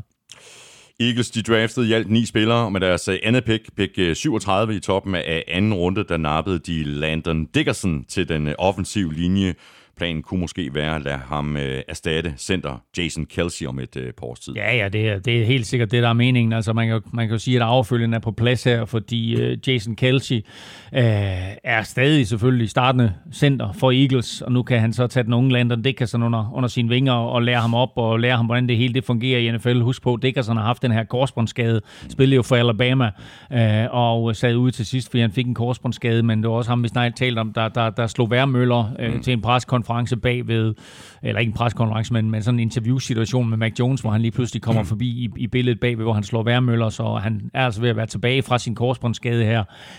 Um, om han lige bliver klar til sæsonstarten, det kan der selvfølgelig godt være lidt tvivl om, men når han så er der, hvis han så er fuldt tilbage fra sin skade, jamen altså, så kan han jo blive Eagles starter de næste 10 år. Og på øh, pick 73, der valgte Eagles at drafte lidt øh, bredde til den defensive linje med valget af defensive end, eller måske er det i virkeligheden mere tackle, det kan jeg faktisk ikke rigtig blive klog på. Øh, mås- mås- måske kan du det. Milton Williams. Ja, men han er nemlig lidt en speciel type, fordi øh, han kan blive sådan en perfekt legekammerat for, for Fletcher Cox, der lidt eller det, vi talte om Landon Dickerson her, så bliver øh, Fletcher Cox øh, måske lærermester for Milton Williams. Øh, en latterlig atletisk type, øh, bevæger sig øh, flydende og, og meget, meget elegant for sin størrelse størrelse. Han er i gåsøjne, når man snakker defensive tackle, i gåsøjne kun 128 kilo. Øh, og det er altså lidt lille for en defensive tackle, men, øh, men øh, hans hurtighed og, og, og gode moves gør, at han er meget svær at håndtere. Så rigtig spændende tilføjelse. Eagles nappede running back Kenneth Gainwell på pick øh, 150. Det synes jeg er et rigtig stærkt valg. Øh, Gainwell kan både løbe med bolden og gribe den ud af backen. Ja, og prøv at vi snakker om, at han, han nok blev et, et andet runde pick, ja. og, og med stor sandsynlighed den fjerde running back, der blev taget. Men øh, de fik ham altså sent. De fik ham helt øh, ned i femte runde. Øh, og jeg tror, der er mange Eagles-fans, der omgående tænker, Shady McCoy her minder rigtig, rigtig meget om ham. Øh, jeg sammenligner ham lidt med, med Clyde Edwards-Hilaire, øh, men jeg synes faktisk, at han er bedre. Og så er det jo vildt at tænke på, at Clyde Edwards-Hilaire han blev draftet i første runde, ikke? men altså uh, Kenneth Gainwell her er et super pick for Eagles i femte runde, uh, femte runde og er nok den topspiller, der faldt længst i draften. Mm. Sidste spiller, jeg lige vil nævne. Jo, jo, øh, jeg har lige skrevet op her. Valgt som den blot 9. running back. Ja, ja men det er også tankevækkende. Ja, ikke? og vi havde ham som den fjerde bedste. Ja. Sidste spiller, jeg lige vil nævne, det er defensive end Taron Jackson, som Eagles tog på pick 191, og det ser jeg som god planlægning, som Mærsk ville sige det er et udtryk for rettidig omhu, når øh, Josh uh, Sweat og Derek Barnett kan ryge i free agency uh, næste år. Så skete der ting og sager på pick 11, som jo tilhørte Giants. Du havde Giants til at tage Edge Jalen Phillips. Her fik vi så trade nummer to på selve dagen. Bears de satte lige bilen i femte gear, trykkede speederen i bund og gik op fra pick 20. De kunne nemlig knap tro deres egne øjne, da de så, at quarterback Justin Fields stadig ikke var taget. Og som vi også talte om i begyndelsen af udsendelsen, Elming, jeg synes, det er et fremragende move af Bears. Ja, det er det også, og det her det var jo ubetinget hele weekendens bedste handel. Altså for en gang skyld, så så Bears ikke i timen, og den her meget udskilt general manager Ryan Pace, øh, han var skarp, da det galt. Øh, Bears har fået deres nye quarterback nu, og øh, han kan jo blive super sjov at følge. Øh, desværre så er det jo i, i Vikings division, og det bekymrer mig en smule. Men øh, Andy Dalton starter nok øh, sæsonen, øh, og med mindre Bears de 6 2, så får Fields altså lov at, at komme på banen der i oktober eller november. Øh, han er en elegant quarterback med en meget, meget præcis arm, og så en forrygende evne til at løbe bolden selv. Øh, og øh, som jeg også skrev i min vurdering af Bears i modsætning til Trubisky, så kan han rent faktisk kaste til begge sider. og så øh, adresserede Bears, der jo i øh, alt øh, valgte syv nye spillere, så adresserede de den offensive linje i begyndelsen af anden runde på pick 39 tog de offensive tackle Tevin Jenkins, også et øh, rigtig godt valg. Ja, og Ryan Pace han har sådan fået lidt smag for det der med at trade op, så han traded op fra plads 52 til plads 39, og den her gang altså for at tage den her offensive tackle Tevin Jenkins, som mange også havde øh, set gå i første runde. Så ikke bare fik de en ny quarterback, de fik også hjælp til den offensive linje, der har været et svagt punkt, et svagt punkt øh, længe for dem. Så øh, Bears to første runder i, i den her draft var meget, meget aggressiv, og det gav bonus. Jeg synes, bare med de to picks havde de en kanon draft. Mm. Og så er vi fremme ved pick øh, 12, som Eagles jo havde, før de handlede med Cowboys på pick 10. Øh, jeg havde oprindeligt Eagles til at tage cornerback JC Horn, hvilket også har været et rigtig godt valg på 12. Han gik jo til Panthers allerede på øh, pick 8. Nu var det altså Cowboys til at vælge i den rigtige draft, og de tog den øh, spiller, som jeg havde dem til at tage med pick 10, nemlig linebacker Micah Parsons og så fik de altså ovenikøbet et tredje rundevalg mere at lege med. Ja, men det var øh, en, en virkelig, virkelig god draft for, øh, for, for Cowboys, det her. Øh, de ville faktisk rigtig, rigtig gerne have haft cornerback-hjælp med, med enten med Horn eller Sertan, men da de begge to var væk, så lavede de jo noget så usædvanligt, som det vi talte om før, nemlig en trade med Eagles, og det fik de altså et ekstra pick ud af i tredje runde, og så fik de alligevel det her øh, løsgående missil i form af Micah Parsons med pick, med øh, pick 12. Øh, øh, han erstatter Sean Lee i midten af Cowboys forsvar, så de går altså fra en Penn State linebacker til en anden Penn State linebacker, Penn, øh, hvad hedder det, linebacker U, som vi talte om i sidste uge. Øh, og så fik de jo faktisk en gave i fjerde runde med endnu en linebacker, der hedder Jabril Cox, som er urensagelige årsager faldt helt ned til fjerde runde. Og der gned Cowboys altså lige hænderne og tænkte, wow, nu får vi altså både Micah Parsons og Jabril Cox ind her. Det der, det kan blive den nye startende duo for dem. Ja, Cox fik de helt ned på pick øh, 115. Cowboys de draftede i alt 11 spillere, øh, hvoraf de 8 er på forsvar, og det giver jo rigtig god mening, når vi husker tilbage på 2020-sæsonen. Øh, to spillere, der skal fremhæves, det er cornerback Kelvin Joseph på pick 4, 44 og defensive tackle Osawano Hizua på pick 75. Jeg glæder mig så meget til, at han bliver en fremtrædende spiller for Cowboys, så du skal sige det der hver uge. eller, eller, eller, eller hvad med øh, kommentatorerne på fjernsyn? Ja, det bliver også fedt. Nej. De skal nok finde en eller anden form for nickname til ham. Uh, nu nævner du, at de havde 11 picks, og de 8 af dem var forsvar. De seks første picks i Cowboys draft i år var forsvar. Så de har jo helt tydeligt fokus på, hvad var vores allerstørste svaghed sidste år. Ja, det var heller ikke så svært at få øje på, vel? Nej, men sidste år prøvede de jo på at rette det mm. med aldrende free agents. I år, der siger de, nu skal vi have noget nyt blod ind. Mm. Nu drafter vi et hav af forsvarsspillere. Og det gjorde de altså. Og altså Michael Parsons der i første runde, Kelvin Joseph cornerback i, i anden runde. Øh, de ville jo som sagt gerne have haft en corner i første runde, men nu, nu fik de altså Kelvin Joseph her med, med pick 12 i anden runde. Øh, en kanon atlet, men han har kun startet ni kampe på college-niveau, så han er altså meget rå, øh, så en del arbejde at gøre med ham, og så altså den her edge-spiller, øh, øh, Osawani, ja, Odige Suva, øh, han er egentlig edge, men øh, har taget snaps både som nose tackle og tackle, så øh, kan hjælpe dem sådan i deciderede pass rush situationer. Jeg tror ikke, han bliver starter for første fløjt, men det bliver sjovt at se ham og DeMarcus, øh, DeMarcus Lawrence på banen samtidig. Ingen trades på øh, pick 13. Til gengæld har vi bingo igen. Du havde nemlig øh, Chargers til at tage offensive tackle Rashawn Slater. Det var nøjagtigt det samme, Chargers de valgte at gøre. Bum! Ren gave til Chargers her på pick 13, sådan som vi også talte om uh, i morgen i sidste uge. Det er godt, uh, det er godt ramt ind. Ja, og der, men prøv at høre, det var jo en gave til dem, fordi altså sådan som draften faldt, ikke, altså, så ender det med, at de får Slater, og han bliver omgående bodyguard for Justin Herbert. Uh, burde starte fra dag 1, og er jo omgående også en, en opgradering på tackle i forhold til, uh, hvad de har haft i de senere år. Om han så lige starter på tackle, eller han måske lige skal, skal have sin ilddåb opråb i NFL på guard. Det må, det må tiden vise, men Chargers kunne ikke have planlagt den her draft bedre. Nej. Chargers de havde ni valg i draften. Deres andet pick, pick 47, øh, er også rigtig godt. Her nappede de nemlig en uh, spiller, som nogen mente kunne gå allerede i første runde, nemlig cornerback Asante Samuel Jr. Ja, og tidligt i, i sådan draftprocessen med de første mock drafts, der kom ud, der var Asante Samuel den første corner, som mange uh, så blive draftet, men efterhånden som den store dag nærmede sig, så... Uh, tror jeg, det stod ret klart, at NFL holdt de kiggede på de der 178 cm, og så tænkte, det er altså ikke lige prototypen på en, øh, på en NFL-corner, og derfor så faldt han altså til Chargers her, øh, og faldt ned i anden runde til øh, pick, pick 15, øh, og ender jo med at blive den blot 8. corner, der bliver draftet. Så altså syv cornerbacks bliver taget før Asante Samuel Jr. Uh, nu bliver det så spændende at se, hvordan han, mm. han klarer sig i NFL. Uh, men han har jo store sko at fylde, må vi sige, ja. fordi hans far jo ført NFL to år uh, i interceptions, mens han var hos Patriots. Og med pick 77, der tog GM Tom Telesco wide receiver Joshua Palmer, og med pick 97 tight end Trey McKitty. Måske i et forsøg på at opveje tabet af Hunter Henry, der jo smuttede i uh, free agency. Ja, jeg kender ikke så meget til McKitty der, men, men spændende at se, hvor meget spilletid han får. Joshua Palmer, receiver, er til gengæld et fint våben til Justin Herbert, og minder jo på mange måder om en anden receiver, de har, nemlig Mike Williams. Så uh, Williams, Keenan Allen og nu altså Josh Palmer der, de skal nok blive et meget rigt for modstandernes forsvar. Og så kan jeg godt se uh, faktisk, at, at uh, Palmer han måske nok overtager for Mike Williams, når Mike Williams han er free agent uh, til næste år. På pick 14, der fik vi endnu et trade på selve dagen. Picket var Vikings, og her havde jeg øh, Vikings til at tage Edge Quiddy Pay, som jeg også overvejede øh, offensiv linje. Vikings, de traded altså ned til pick 23, og vi har allerede øh, talt om øh, picket her på 14, da vi jo talte om Jets tidligere. Det var her, de nappede offensive guard Elijah Vera Tucker.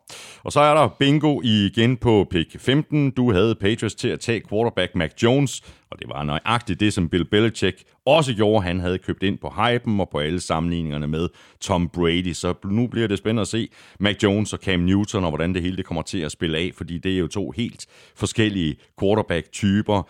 Jeg tror, at øh, Mac Jones han kan komme på banen forholdsvis hurtigt. Ja, lad os nu se. Det er jo to vidt forskellige typer. Uh, Mac Jones og, og Cam Newton, der de er nogenlunde samme størrelse, men, uh, men altså, uh, Mac Jones kunne jo, som jeg prøvede på at få, få sagt i sidste uge, han kan ikke løbe sig til en første down, om der så står et helt cheerleader-crew og, og hæpper på ham. Uh, men uh, til gengæld så er han nok lidt mere solid kaster, end, end Cam Newton er. Ja.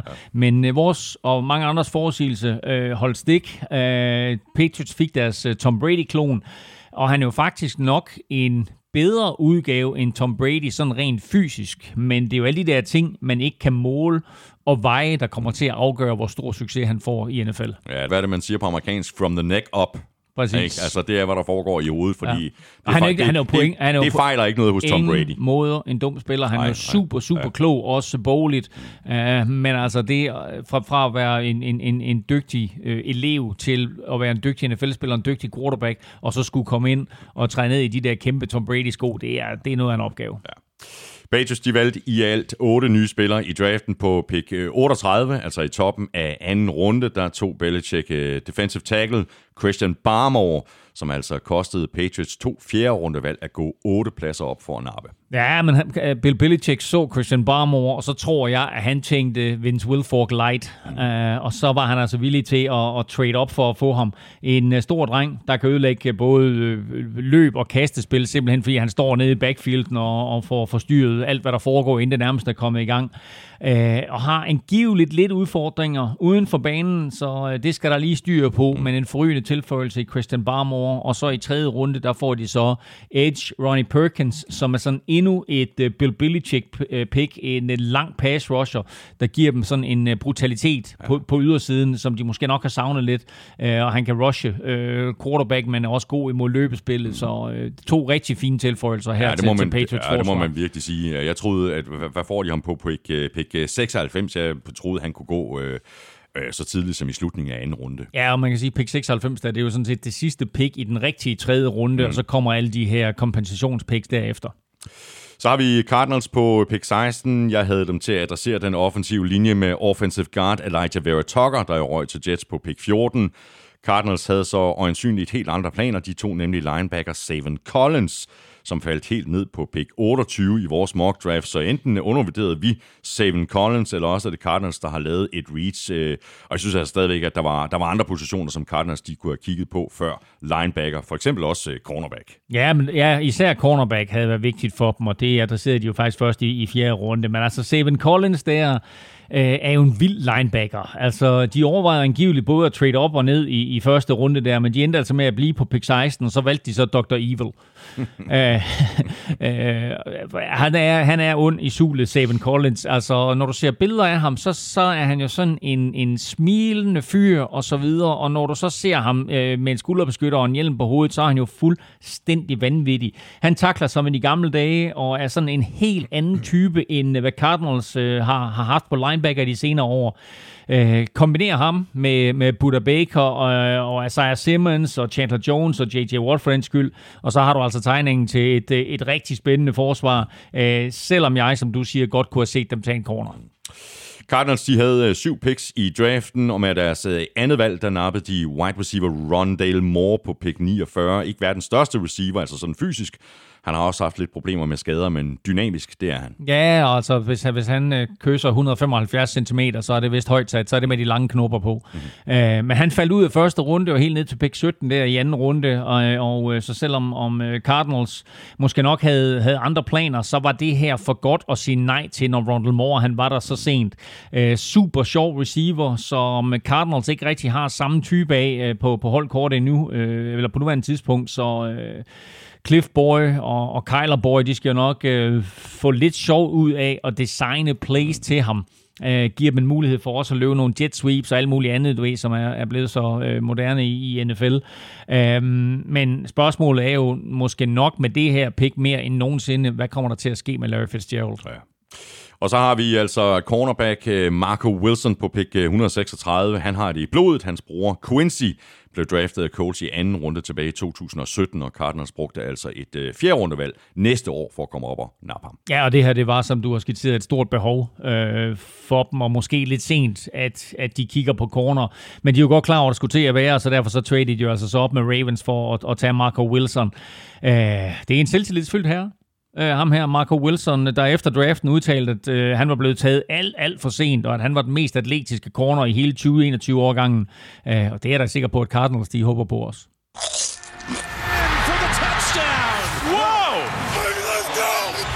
Ugen spiller præsenteres af Tafel.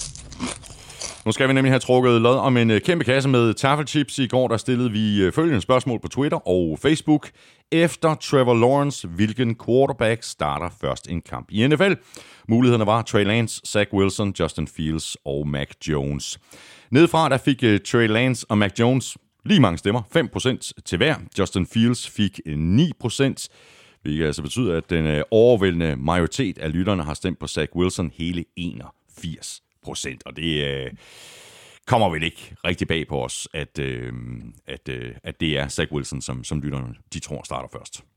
Nej, altså umiddelbart så virker det også som om, at det er ham, som... Øh, altså, jeg kan ikke rigtig se, hvem, hvem, hvem Jets de ellers skulle tale øh, og, og sætte ind. Ikke? Altså, hvis vi, hvis vi tager et, et lynhurtigt kig på, øh, på Jets øh, holdkort lige nu, ikke? så hedder deres quarterbacks Zach Wilson, James Morgan ja. og, Mi- og Mike White.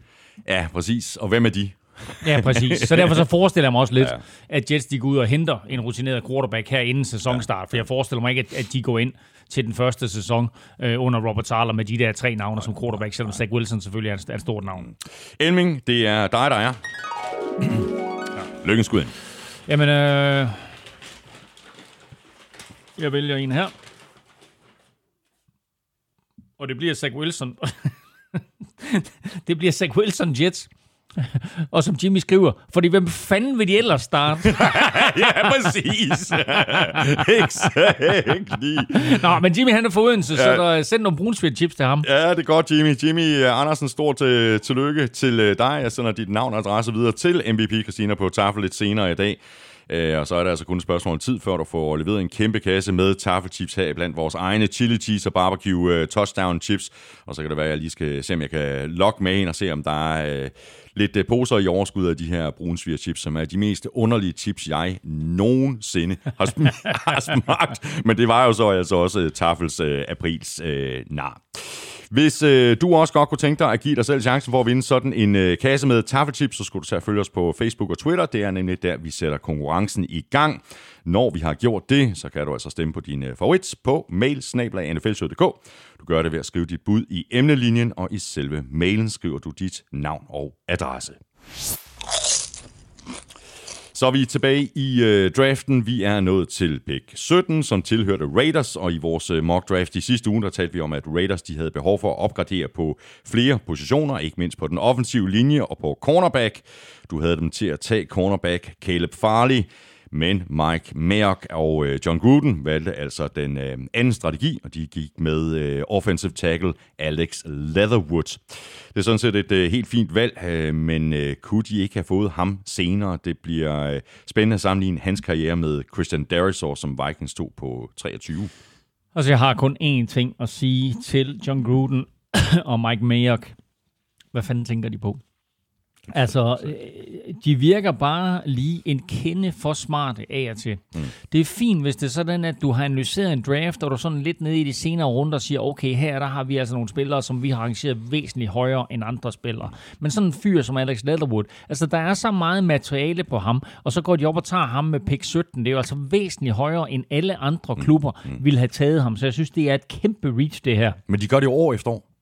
Ja, det er det, der er mest bekymrende. Ikke? Altså, øh, og som jeg også skrev et eller andet sted på Google Klud, ikke? Altså, det er jo mærkeligt med dem, fordi de får jo os andre til en gang imellem at, at føle, at der er nogle informationer, som de ligger inde med, som vi ikke har. Mm. Men når de så viser sig at tage fejl år efter år, ikke? som de har gjort med, med Cleveland Farrell, og som de har gjort med Damon Arquette og så videre, ikke? Altså, så, så, øh, som, eller Annette hedder han, hvad hedder det, så må vi jo bare sige, øh, altså, så, så, så kigger man på det her pick med, med Alex Leatherwood, og så tænker man, nu har de altså gjort det igen. Hvis han bliver en fremragende højre tackle, og han kommer til at starte der i overvis og så videre, ikke?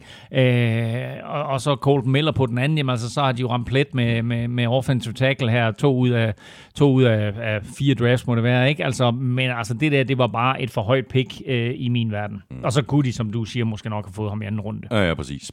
Raiders, de valgte syv spillere i draften. Deres andet valg var på pick 43, øh, hvor de traded op for at tage safety Trayvon Merrick, og øh, hvis hans øh, ryg ikke giver ham øh, flere problemer, så kan det faktisk vise sig at være et øh, rigtig fornuftigt move og et rigtig fornuftigt valg. Bestemt. Altså, øh, Raiders har forsøgt sig flere gange med at draft safety sådan uden held, øh, så da Trayvon Merrick her, han ikke var draftet med i anden runde, så traded de op for at få ham. Øh, han blev af alle eksperter betragtet som den bedste safety, øh, måske bare ikke af, af Falcons og Dolphins, der altså valgte en safety før ham, men øh, han er dygtig, og han, han dækker du utroligt stort område. Øh, han bliver free safety for Raiders, øh, hvor han øh, skal bruge sine evner til at, til at læse spillet, til at ødelægge så meget som muligt for modstandernes angreb og quarterbacks, øh, og så forhåbentlig også gerne lave et, et par interceptions. Det her var et meget, meget solidt pick, og som du siger, de traded op for at få ham. Øh, så det her, synes jeg faktisk var et rigtig fint pick for dem i anden runde. Og med Raiders næste to picks, øh, der kom lige rap på 79 og 80, der skulle der ske noget på deres front seven. Defensive end Malcolm Coons og linebacker Divine Diablo. Ja, men det er, det er så lækkert, altså vi kan lige tage det, det, den, den sidste spiller først, det er Divine Diablo. Hvad tænker du, når du hører Divine Diablo? En øh, fantastisk djævel.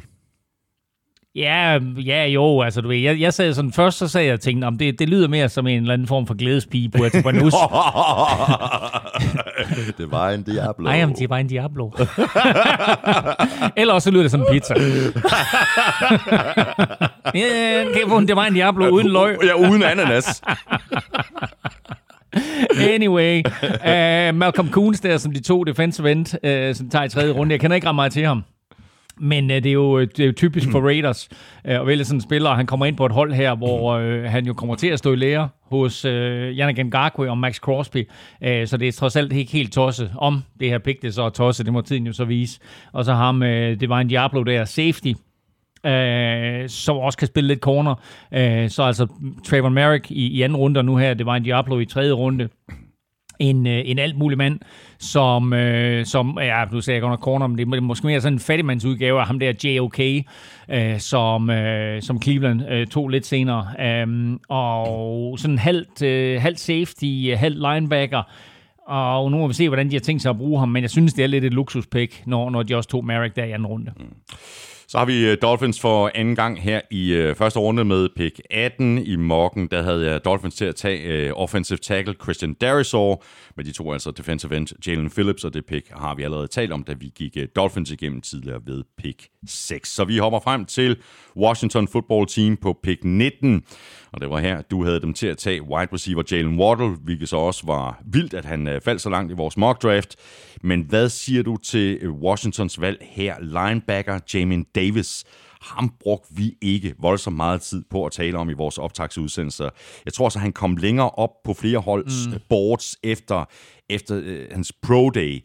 Men Altså, vi har jo nærmest ikke snakket om manden. Ja, jeg tror, vi talte om ham i vores optagsudsendelse. Vi har ham ikke med i vores mock draft, og i min sidste mock draft på Gud Klud, der havde jeg ham faktisk til at bedrafte Packers i første runde. Mm. Så jeg havde ham trods alt ind i første runde.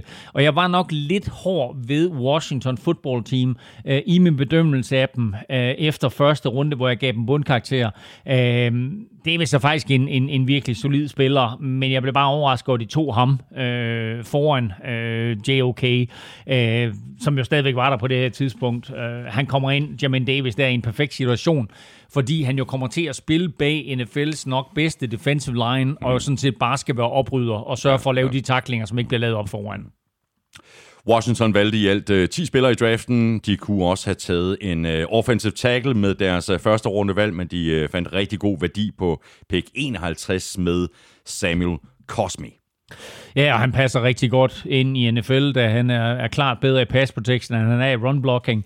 Washington, de har jo savnet, kan man sige, en solid venstre tackle siden misæren med Trent Williams der, øh, og Cosme, han går faktisk start fra dag 1, øh, og hvis det ikke er, øh, hvis, hvis, hvis det er, er tilfældet, at han gør det, så må vi sige, så er det faktisk lidt af et stil på, på plads 51. Mm. Og så var der også øh, god værdi, synes jeg, på både pick øh, 74 og 82, hvor Washington tog cornerback Benjamin St. Just og wide receiver Jamie Brown. Ja, bestemt. Altså, cornerbacken der, øh, Benjamin St. Just, han er en stor corner, som kan spille bump and run, og det passer jo rigtig, rigtig godt til øh, Washingtons forsvar, hvor modstanderens quarterback øh, gerne vil slippe bolden hurtigt for ikke at, at blive kørt midt over af, af Chase Young og company. Og så den her øh, wide receiver, Jamie Brown, øh, er også rigtig spændende faktisk. Det er øh, endnu et fint våben til, øh, til øh, hvad hedder han, øh, Ryan Fitzpatrick, øh, og, øh, og hvem der nu end bliver quarterback i fremtiden i, i Washington. Øh, Jamie Brown sammen med Scary Terry øh, og Curtis Samuel, det giver altså football team en af de sjoveste trioer i ligaen overhovedet, øh, som du kan lege med på rigtig, rigtig mange måder. Så jeg glæder mig til at se, øh, hvad de får ud af det her Washington-angreb i, i årene fremover. Det er eksplosivt, og det er både på den ene side af Stillehavet og på den anden side. Præcis, ja. uanset hvilken vej du kører rundt om jorden. Præcis. Du kan stole på alt, hvad du hører her i NFL Pick 20 tilhørte Bears. Øh, de traded jo op til 11 med Giants. Jeg havde oprindeligt Bears til at tage offensive tackle Tevin Jenkins her på 20. Giants de nappede så et nyt våben til quarterback Daniel Jones, de to wide receiver Kadarius Tony, som i vores mock faldt helt ned til Saints på pick 29. Og så fik de altså lidt øh, ekstra draft-kapital oven i hatten, både i det her års draft og i næste års draft. Ja, det var en, en rigtig fin handel, de lavede der. Altså, de blev lidt snydt på, snydt på målstregen Giants øh, i, af den der handel mellem Cowboys og Eagles. De ville gerne have haft Devontae Smith, og da han så var væk, så traded de ned, og de fik altså kassen for det. De fik Chicagos første og fjerde runde øh, næste år, og så fik de en femmer i år. Øh, de to Kadarius Tony der øh, på, på pick 20 som jo har en position, som øh, du jo holder meget af, øh, nemlig den her OW. Mm. Han er jo ikke helt, øh, altså overhovedet ikke samme type som Karl Juszczyk, men han er jo den her øh, udefinerbare receiver-type, som ikke bare er en receiver, men som kan alt. Øh, og så er det bare et spørgsmål om, hvordan du får bolden i hænderne på ham, øh, og hvordan de udnytter alle hans mange kvaliteter, som vi talte lidt om der øh, i college hvor han jo spillede for Florida, så havde han jo faktisk en, en bedre arm end Kyle Trask, som er quarterback og som blev draftet senere. Mm. Giants de gik fra øh, draften med øh, seks nye spillere. Øh, synes, det var et øh, super valg på øh, pick øh, 50 med outside linebacker Aziz Ojulari.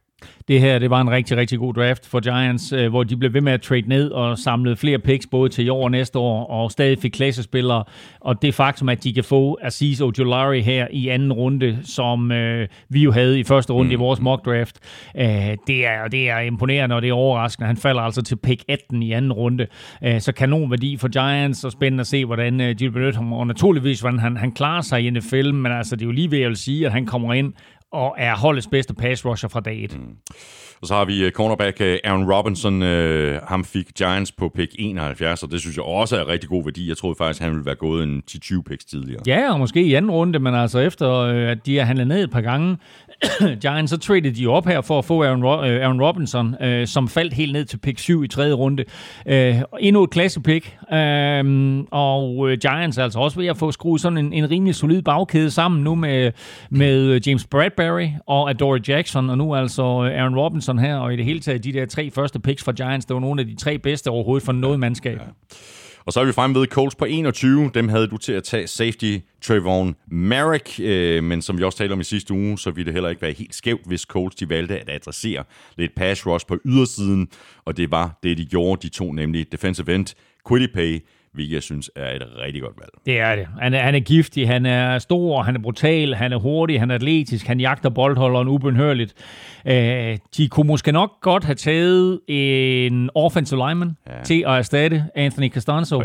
Øh, og det gjorde de ikke. Øh, og de valgte faktisk slet ikke en øh, offensive tackle i hele draften, hvilket nok overrasker mig en smule og bekymrer Carson Wentz en smule, kunne jeg forestille mig. Mm. Øh, der er rygter om, at Coles de vil flytte Quentin Nelson ud til tackle, hvilket jeg synes vil være en dødssynd, men, øh, men nu må vi se i hvert fald, så er det her stadigvæk Quiddy Pay et solidt pick. Coles valgte øh, i alt øh, syv spillere i draften, og øh, de gik altså med den øh, defensive linje igen på deres andet valg på pick 54, defensive end Dio Odoyengbo som nok lige skal have lidt tid, før han kommer på banen. Han har haft øh, en akilskade her i årsisen. Ja, og, og, og jeg synes egentlig, det her det var et lidt mærkeligt pick. Uh, jeg tror egentlig, Coles gerne ville have haft en offensive tackle her, som erstatning for Anthony Costanzo, som vi talte om. Men der blev valgt seks offensive tackles i de 15 picks, før Coles de kom til i anden runde her, på plads 54. Så øh, de gik altså øh, som... Øh, hvad hedder sådan noget, som, som brunsviger til øh, en, et, et, et cykelhold, der har været ude på en 100 km tur. Øh, der var, der var nærmest ingen øh, kvalitets offensive tackles tilbage, øh, da de kom der til pick 54. Øh, og det tror jeg måske øh, overraskede dem lidt, og måske forvirrede det dem også lidt, for de har i hvert fald glemt, at de har taget en edge i første runde, og så kom de til at tage en i anden runde igen, øh, selvom han måske øh, mere er over i sådan en, hvad skal vi kalde det, en defend, Ej, han er ikke defensive tackle, men han er måske mere sådan en, en 3-4 edge-spiller, mm, mm. eller ikke, øh, hvad hedder 3-4 defensive end-spiller. Øh, han kan rushe quarterbacken både indvendigt og udvendigt fra, men jeg synes, det her det var et lidt mærkeligt pick for Colts. Titans, de havde pick 22, øh, og jeg havde dem til at tage linebacker Jeremiah Owusu Koromora. Og vi talte om, at de kunne gå øh, mange veje Titans, men jeg tror faktisk ikke engang, at jeg overvejede cornerback i sidste uge. Men det var altså den vej, som de valgte. De to Caleb Farley fra Virginia Tech, hvilket jeg også synes øh, gav rigtig god mening her på pick 22. Men så er der altså også lige de her bekymringer, der følger med i forhold til hans øh, skadeshistorik. Mm. Kan man gå så langt som at sige, at det er et farligt pick? Undskyld. Han er lige blevet øh, opereret i ryggen, og skal måske, måske ikke øh, opereres igen. Og øh, Husk lidt tilbage på, hvordan de østlede deres første runde pick væk øh, sidste år. Selvfølgelig kunne de ikke vide det på forhånd, men Isaiah Wilson, han var jo en nutcase, øh, så øh, ham, altså, de har jo ikke noget første runde pick fra, fra sidste år, som de kan vise frem overhovedet. Det er østlet bort. Og nu har de altså taget en gigantisk chance her på, på Caleb Farley. Øh, talentet er jo uomtvisteligt, og er han rask, og kommer den der ryg ikke til at genere ham, så er det jo et klasse pick, at de får Caleb Farley med pick 22, men der er ikke nogen, der siger, at han nogensinde Nej. kommer til at se en NFL-bane. Nej.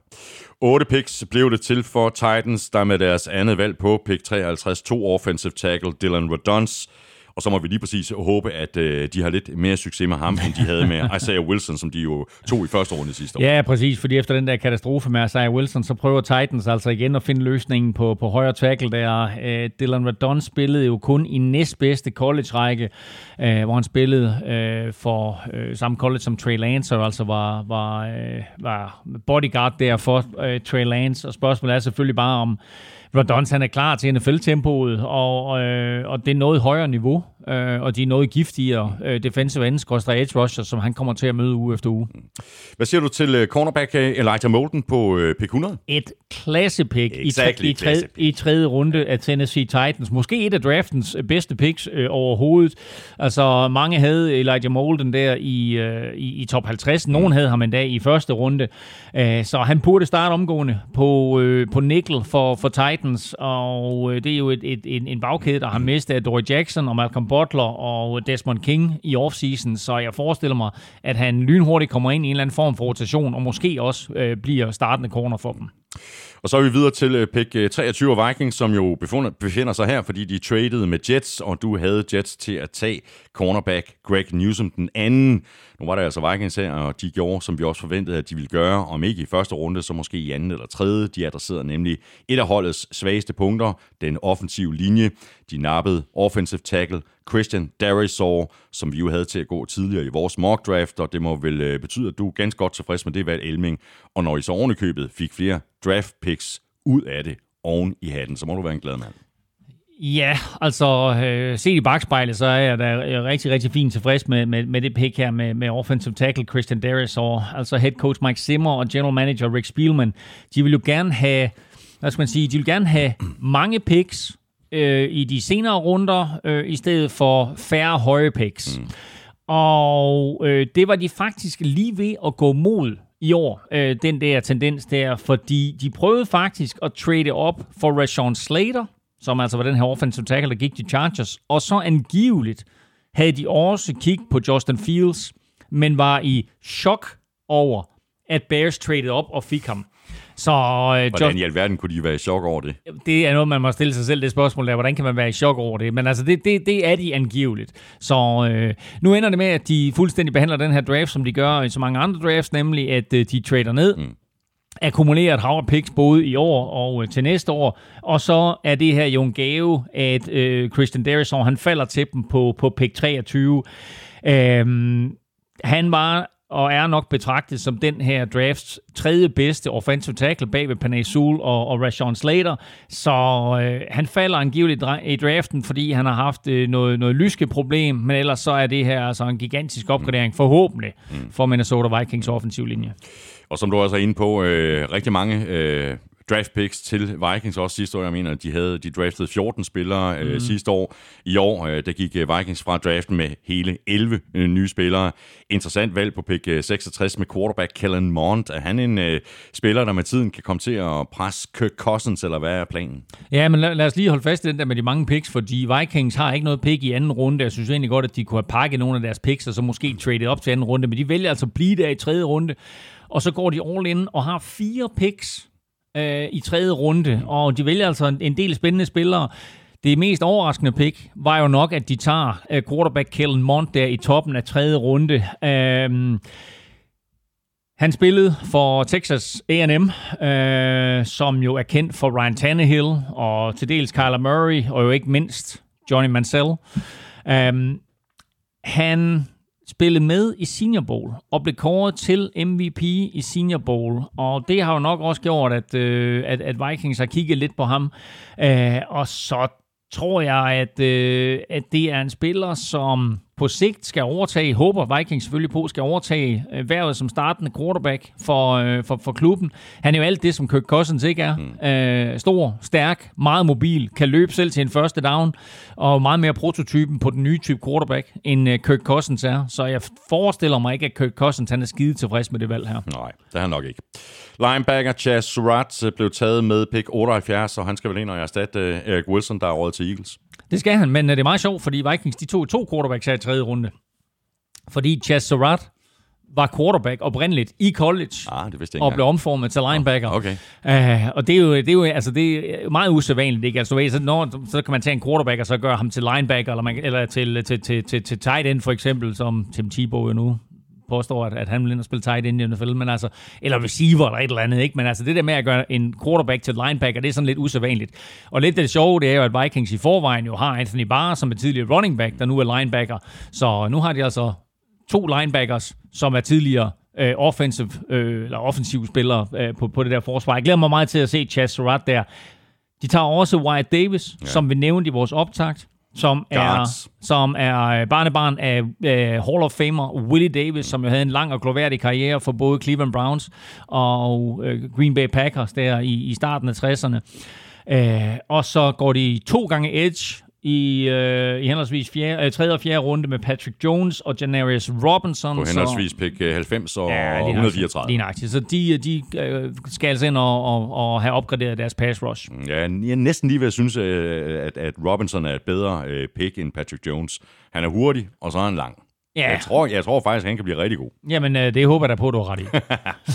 Og så draftede vi jo ikke nogen uh, running backs i første runde i vores uh, mock draft, men vi taler om, at uh, Steelers var et af de hold, der måske kunne finde på at gøre det i virkeligheden, selvom der var andre positioner, som de også kunne have valgt at kigge på. Øh, jeg havde dem til at tage edge rusher Jason Oway.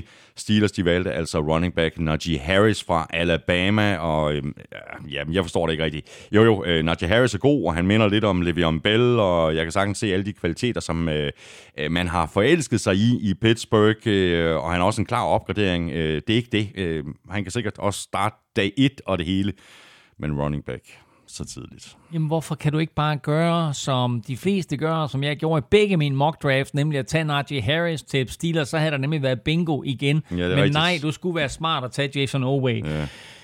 Alle, Unds- undskyld, Steelers. alle havde forudset det her, undtagen dig. Nå.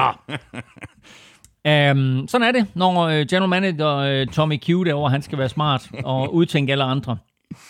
Men uh, jeg synes, de får en bundsolid running back, uh, som de ikke behøver at tage banen på noget tidspunkt. Han kan spille både første down, anden down og tredje down. Uh, han skal selvfølgelig have en linje og løbe bagved, og uh, det havde han i Alabama, og jo klart den bedste offensive linje i hele college. Mm. Jeg vil ikke kalde det historien, men det er sgu tæt på. Øhm, og hvad, hvad, hvad, hvad, hvad, hvad, hvad kan han i Steelers, og skulle Steelers have, have adresseret den offensive linje her i første runde, men altså nu har de i hvert fald fået running backen, så må vi se, hvad de, hvad de gør på O-line. Ja. Steelers de valgte ni spillere i draften, og øh, de adresserede den offensive linje, men øh, en del senere, det gjorde de med to picks. Center Kendrick Green på pick 87 og offensive tackle Dan Moore på pick 128. Ja, præcis, og øh, der valgte de altså øh, lidt sent at adressere den offensive linje, men får to spillere ind, som øh, måske øh, kan hjælpe, men næppe kommer til at starte fra dag 1. Mm. Og inden de to spillere de blev valgt, der valgte øh, GM Kevin Colbert at nappe tight end Patrick Fryermuth på pick 55. Ja, og, og, og jeg kan altså rigtig godt lide ham her, Pat Fryermuth. Altså super atletisk, lang tight end, som du kan bruge til alt muligt. Han kan løbe bolden, han kan gribe bolden, han kan blokere, og, og hvis du beder om det, så kan han der også kaste bolden. Øhm, han minder mig lidt om, øh, jeg tror, han minder Steelers fans lidt om, om Heath Miller, men han minder mig måske lidt mere om Evan Ingram fra Giants. Måske ikke helt med den der fart ned ad banen, som Evan Ingram har, men sådan meget den samme type super atletisk, der kan bruges til alt muligt. Og så har vi øh, Jaguars for anden gang her i første runde med pick 25, som jo oprindeligt tilhørte Rams. Øh, du havde dem til at tage wide receiver Rondell Moore, men som vi talte om ved pick 1, så tog de altså running back Travis Etienne fra Clemson, og dermed røg der altså to running backs lige i træk. Først Najee Harris, og så Travis Etienne. Pick nummer 26 var Browns, og jeg havde dem til at tage edge rusher Aziz Ojulari, og øh, de gik med forsvaret, men på en øh, anden position, nemlig cornerback, hvor de tog Greg Newsom, den anden supervalg på 26. Spørgsmålet er så, om at han kan komme til at starte med det samme på den modsatte side af Denzel Ward, fordi så kan mm. det godt gå ind og blive interessant. Altså, jeg kan godt lide de her hold, som, og det er jo det her, vi taler om med draftstrategi, ikke? Altså, tager du best player available, eller, eller drafter du need, og i det tilfælde, at, det sådan, at du rent faktisk kan kombinere de to, så er det jo helt genialt. Og jeg må sige, at den måde, som Cleveland Browns, de har behandlet den her offseason og den her draft på, der har de jo helt klart spottet de kæmpe udfordringer, de havde på forsvaret. Og nu fylder de altså endnu et hul her med uh, Greg Newsom, uh, fordi de havde jo uh, enorme problemer sidste år uh, imod kastet, og de hentede jo både uh, cornerback Troy Hill og og safety John Johnson der hos, øh, hos Rams, og nu fandt de altså guld, synes jeg faktisk, på plads 26 mm. med, med, med corner Greg Newsom. Øh, og som du siger, jeg kan huske på, at de har altså også Denzel Ward, der har været en del skadet, men jo blev taget med pick nummer 4 øh, i den der samme draft som Baker Mayfield-draften, var det ikke det? Browns øh, de kom fra øh, årets draft med otte spillere. De valgte at trade op for at nappe JOK, linebacker Jeremiah Owusu Koramora, på pick 52. Et rigtig godt move, der ovenikøbet ikke kostede Browns specielt meget, så, så vidt jeg lige husker. Ja, det, var, det var en kæmpe gave, at han falder derned. Altså, vi havde ham i første runde, og det havde de fleste andre mock drafts også. Øh, de trade op for at få ham, øh, da han stadigvæk er ledig der i toppen af anden runde. Øh, jeg er helt vild med ham, og i chok over de mange linebackers, der, der gik før ham. Han er ultra atletisk, han kan bruges på så mange forskellige måder, men måske er det jo netop måske er det netop det, der er også sådan lidt af hans svaghed, fordi øh, hold måske øh, har lidt svært ved at se, du ved, hvad er han? Er, er han? er han safety? Er han linebacker? Er han nickel corner? Hvad er han? Man, øh, og også det her med, at han kun vejer 98 kilo, det er jo langt fra prototypen på en linebacker, selvom de de senere år er blevet lettere og lettere, så har vi jo ikke set ret mange, der er under 100 kilo. Men altså, jeg tænker Keanu Neal, mm.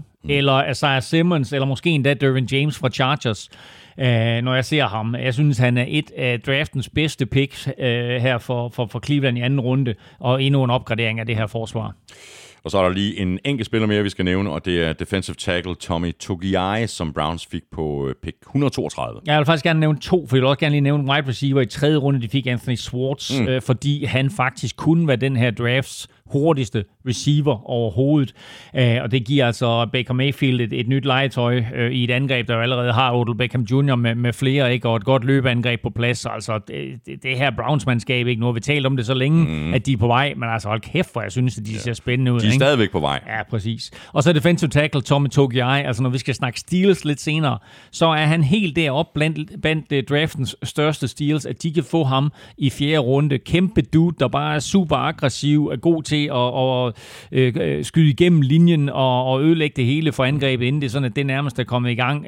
Det her, det er altså en, en, en fyr, som omgående kommer til at indgå i en eller anden form for rotation på, på Browns linje. Der skal gå meget galt for, at han ikke øh, bliver, bliver øh, jeg, vil ikke, jeg vil ikke sige fast starter. Jo, det gør han sgu nok. Han bliver nok fast starter for dem øh, rimelig hurtigt. Og så er det jo øh, sindssygt sejt at ramme fuldstændig plet så sent i første runde her på pick 27. Der er nemlig bingo endnu en gang, Elming. Du havde Ravens til at tage wide receiver Rashad Bateman. Det var lige præcis det, de gjorde. Og må ikke også, at Lamar Jackson er forholdsvis godt tilfreds med det valg. Det tror jeg helt sikkert, han er, fordi det her det er jo en helt anden type receiver, end det, de har i forvejen. Det er en... Øh en wide receiver, øh, Rashad Bateman her, som giver Lamar Jackson et stort mål.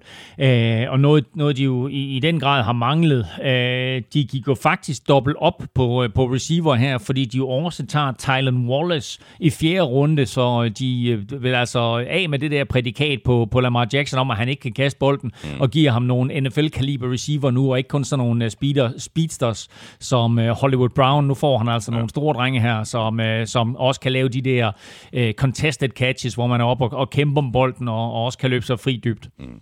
Og så havde øh, Ravens jo et valg igen, øh, fire picks senere, altså på pick 31, hvor de to outside linebacker, Jason Oway eller Odafe Oway, øh, som han ja. gerne vil kaldes. Det er nemlig hans øh, rigtige fornavn. Jason er hans mellemnavn, og med øh, valget, der adresserede Ravens så et af holdets allerstørste needs, efter at de jo mistede Matthew Judon og øh, Yannick Nagakwe i, øh, i free agency. Og det er meget sjovt, fordi den tracker, vi har kørende inde på Google Klud, hvor man både kan se alle picks i alle runder, men også kan se, hvad alle hold de har valgt, øh, der var der forskellige navne, som man lige sådan stusser over og tænkte, hvad er det for et navn, det der? Ja. Men det var fordi, det er de officielle navne. Mm. Der stod der nemlig øh, Odafe Oway, men der stod også øh, William Lawrence på den der quarterback nummer et, der blev valgt. Okay. Og jeg tænkte, hvem fanden er William Lawrence? Men det er så, fordi han hedder faktisk William Trevor Lawrence. Okay. Så man skulle lige sådan, ah, okay, så der var, der var nogle navne undervejs, hvor man sådan var lidt i tvivl. Men, men ja, øh, super, super godt pick for dem her. Altså, de har jo behov for en receiver, de har behov for noget edge-hjælp. Øh, så man kan sige, med, med de der to sene picks i første runde, der får de jo virkelig øh, hjælp på nogle positioner, hvor de har behov for det. Øh, vi spekulerede jo lidt i, om de skulle have pakket de her to picks og rykke yderligere op i første runde. De kunne være kommet helt op omkring pick, pick 10 eller pick 12, men øh, de bliver altså, hvor de er, og vælger i stedet for to spillere i første runde. Og det gode ved det, det er jo det her med den her femteårs option. Altså for det første, når du er nede i, i, det her, i de sidste 8-10 picks i første runde, så er kontrakterne for de der første runde picks ikke alt for voldsomme. Og samtidig så får du den her femteårs option. Mm. Så de har altså to spillere her, at hvis de slår til, så har de dem altså i klubben i mindst fem år. OV der, er en øh, super øh, atletisk edge, øh, som er sådan lidt af et projekt, men jo har alle de fysiske redskaber.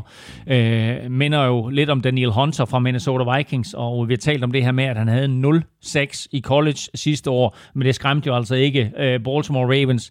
Øh, de får en atletisk spiller ind her, som skal ind og overtage netop for Matt Judon eller Yannick Ngakwe.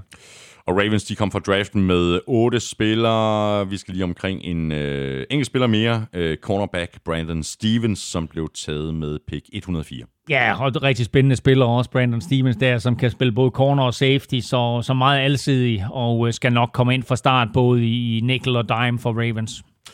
Så har vi Saints på pick 28, og i sidste uge, der nævnte jeg flere spillere, som jeg overvejede at tage til dem. Jeg endte med at nappe linebacker Savin Collins, men øh, ham kunne Saints så ikke tage i virkeligheden, da han jo røg til Cardinals allerede på pick 16. Jeg nævnte så også defensive end Gregory Rousseau. Saints de tog så en anden defensive end, nemlig Peyton Turner fra Houston, og det må jeg indrømme, det var et pick, der kom noget bag på mig. Også mig, øh, og i det hele taget synes jeg, at det her det var et underligt valg, og det var en mærkelig første dag for New Orleans Saints. De prøvede angiveligt at trade op i top 10 for enten en corner, eller, hvad rygterne siger, Mac Jones. Mm. Øh, der skete ikke noget af det. Og så må man sige, så vælger de så ham her, øh, Peyton Turner. Ham talte vi overhovedet ikke om i nogen af vores to optagsudsendelser. Mm. Så øh, det her valg, det kom bag på mig. Uh, selvom hans navn pludselig sådan florerede mm. øh, flere og flere steder efterhånden, som første runde nærmede sig, men at han så skulle krybe ind i første runde der og blive taget med pick 28, det, øh, det overrasker mig alligevel. Men altså en altid spiller, som kan spille både indvendigt og udvendigt, øh, og det betyder vel også, at satsningen på Marcus Davenport der for et par år siden må betragtes som en fiasko.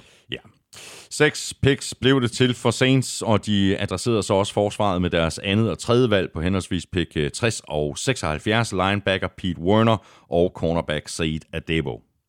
Ja, og uh, Said Debo er endnu en af de her, som uh, enten hedder Said eller hedder Paulson uh, Debo. Så et, af, et af to. Uh, nogen vil se, hvad det er sådan, at, at han ender med at hedde uh, i NFL. Men altså igen, uh, jeg, jeg kigger lidt på de her picks, og så er jeg bare sådan lidt, hvad er det? Altså, jeg, jeg, forstår, jeg forstår simpelthen ikke Saints draft her. Nå, anyway, Pete Werner... Men det er faktisk mærkeligt, ikke? Fordi hvis der er nogen, der har draftet godt de seneste år, hvis så, vi sådan ser ja, det store, store ja, ja, billede, ikke, så ja, ja. er det virkelig Saints. Det er det. De har haft virkelig, virkelig god succes med at drafte, og derfor så overrasker det mig også lidt, at, at uh, Sean Payton, han i, i, i den grad stikker ud her i forhold til, uh, til alle de rapporter og alle de informationer, vi har om spillerne. Men igen er det her jo også en usædvanlig draft, fordi vi netop ikke har altså alle har jo adgang til det samme materiale, de samme videobånd og så videre, og meget af det videobånd, det er jo fra 2019. Vi ved jo ikke noget om de her spillere i 2020.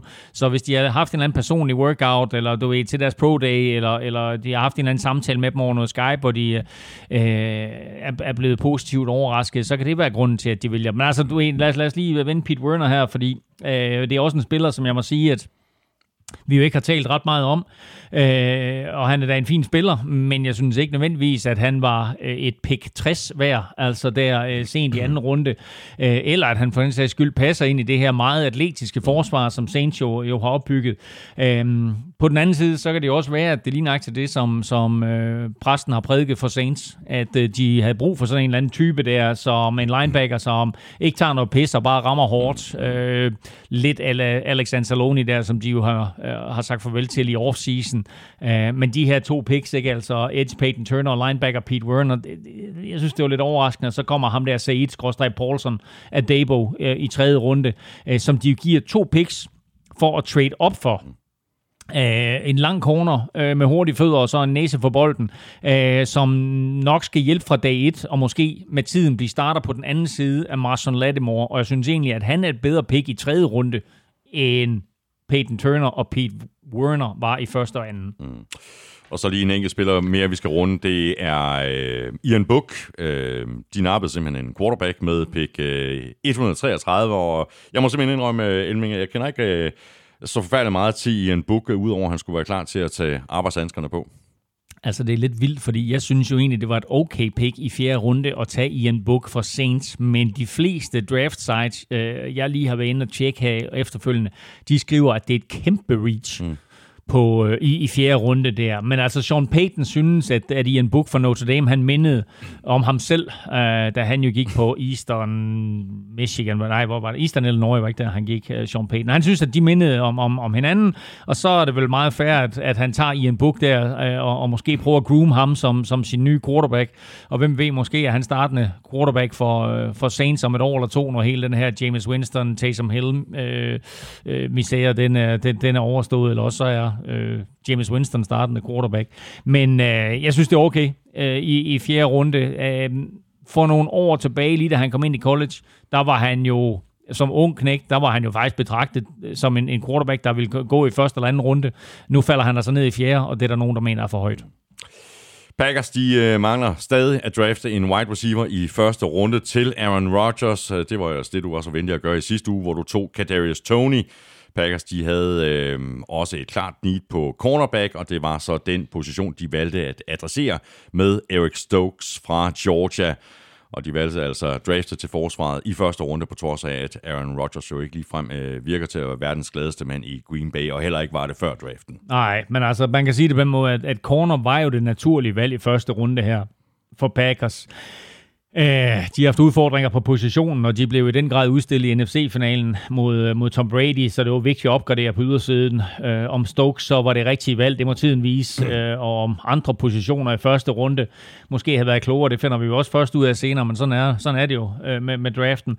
Men jeg kunne godt have set Packers uh, give Rodgers en lille lækker uh, slot receiver. I form af for eksempel... Der er, der er en lille pause der. Ja, ja, det var helt tilfældigt. uh, i, I form af for eksempel Elijah Moore. Men, uh, men altså, uh, corner er et fornuftigt valg, og så må vi se, hvordan Eric Stokes han klarer sig.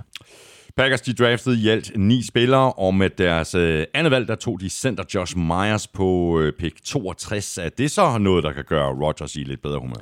Jeg tror godt, det kan gøre Rodgers i bedre humør. Altså Packers havde, at jeg tror så ikke, det gør ham i godt humør, at, at Packers de jo sagde farvel til Corey Linsley uh, i, i offseason her, der røg til Chargers, og dermed så havde de jo altså et gabende hul der på center. Det er klart, det skulle fyldes, og det gjorde de med Josh Myers fra Ohio State, hvor han jo altså så har spillet sammen med, med Justin Fields. Uh, men rigtig, rigtig mange vurderer det her også som et kæmpe reach, at der var altså andre spillere på pick 62 der, som havde noget større værdi end, end Josh Myers, men altså han, uh, han kommer ind, og det kan være, at han starter på guard til at starte med, og hvis han gør det godt, jamen, altså, så bliver han hurtigt rykket ind på center. Øh, der er en svær position i NFL, jo ikke mm. mindst fordi øh, man skal have styr på alle linjekald, og man er jo en slags quarterback for de andre linje, øh, men på holdet der, så der er mange ting at lære som center, men øh, de føler altså, øh, Packers, at det var det klogeste at gøre, og opgradere den offensive linje med en, en spiller til den indvendige del. Og så blev det så til en uh, wide receiver på pick 85, Clemson receiver Amari Rodgers. Rodgers til Rodgers, det... Præcis, og ikke bare det, Rodgers, det, ikke bare Rodgers til Rodgers, men A. Rodgers til A. Rodgers. Ja, det kan ikke? der noget, ikke? Så Aaron Rodgers til Amari Rodgers, men uh, hvem ved om A. Rodgers nogensinde kommer til at kaste til uh, A. Rodgers. Måske bliver det i stedet for J. Love til uh, A. Rodgers, uh, hvilket vil være virkelig mærkeligt. Men uh, det kommer nok til at ske på et tidspunkt. Uh, men uh, nu må vi se. Men altså, hvis, uh, hvis Aaron Rodgers han bliver i, i Green Bay, så uh, har han da fået sådan lidt en Randall Cobb-klon. Randall Cobb? Kunne han være svar på quizzen? Mm. Uh, jeg tror, han ikke først tredje runde, det tror jeg, han var. Nå, anyway. Mm. Øhm, men, øh, men altså, det er sådan lidt en Randall Cobb-klon her, som, som der trods alt giver ham en anden type våben, end det han har med de der lidt, øh, lidt langlemmede receiver, øh, han har nu, ikke? Og så er vi fremme ved Bills på pick 30. Jeg troede, at GM Brandon Bean ville øh, klappe i hænderne over at kunne hapse wide receiver Terrace Marshall Jr., sådan som jeg gjorde i mokken i sidste uge. De valgte altså at kigge over på den anden side af kridtstregen, og der tog de øh, defensive end Gregory Russo fra Miami stadig upoleret, men han kan blive rigtig god, øh, især hvis han får den rigtige coaching. Det tror jeg faktisk også, vi taler om øh, i, øh, i vores optagsudsendelse. Ja, helt sikkert. Jeg vil egentlig gerne slå ham sammen med øh, Carlos Boogie Basham, som de to i anden runde, fordi de, øh, de har brug for pass rush. Jeg tror egentlig, jeg tror faktisk Bills er lidt ligeglade, altså det er selvfølgelig meget sagt, men jeg tror faktisk sådan overordnet set, at de er lidt ligeglade med AFC East. De tænker, større. De tænker hele AFC. De tænker en AFC-finale mod for eksempel Chiefs og hvordan de holder styr på Mahomes. Øh, de draftede AJ Epinesa sidste år. Øh, de tog Ed Oliver der i 2019, som er sådan en indvendig force.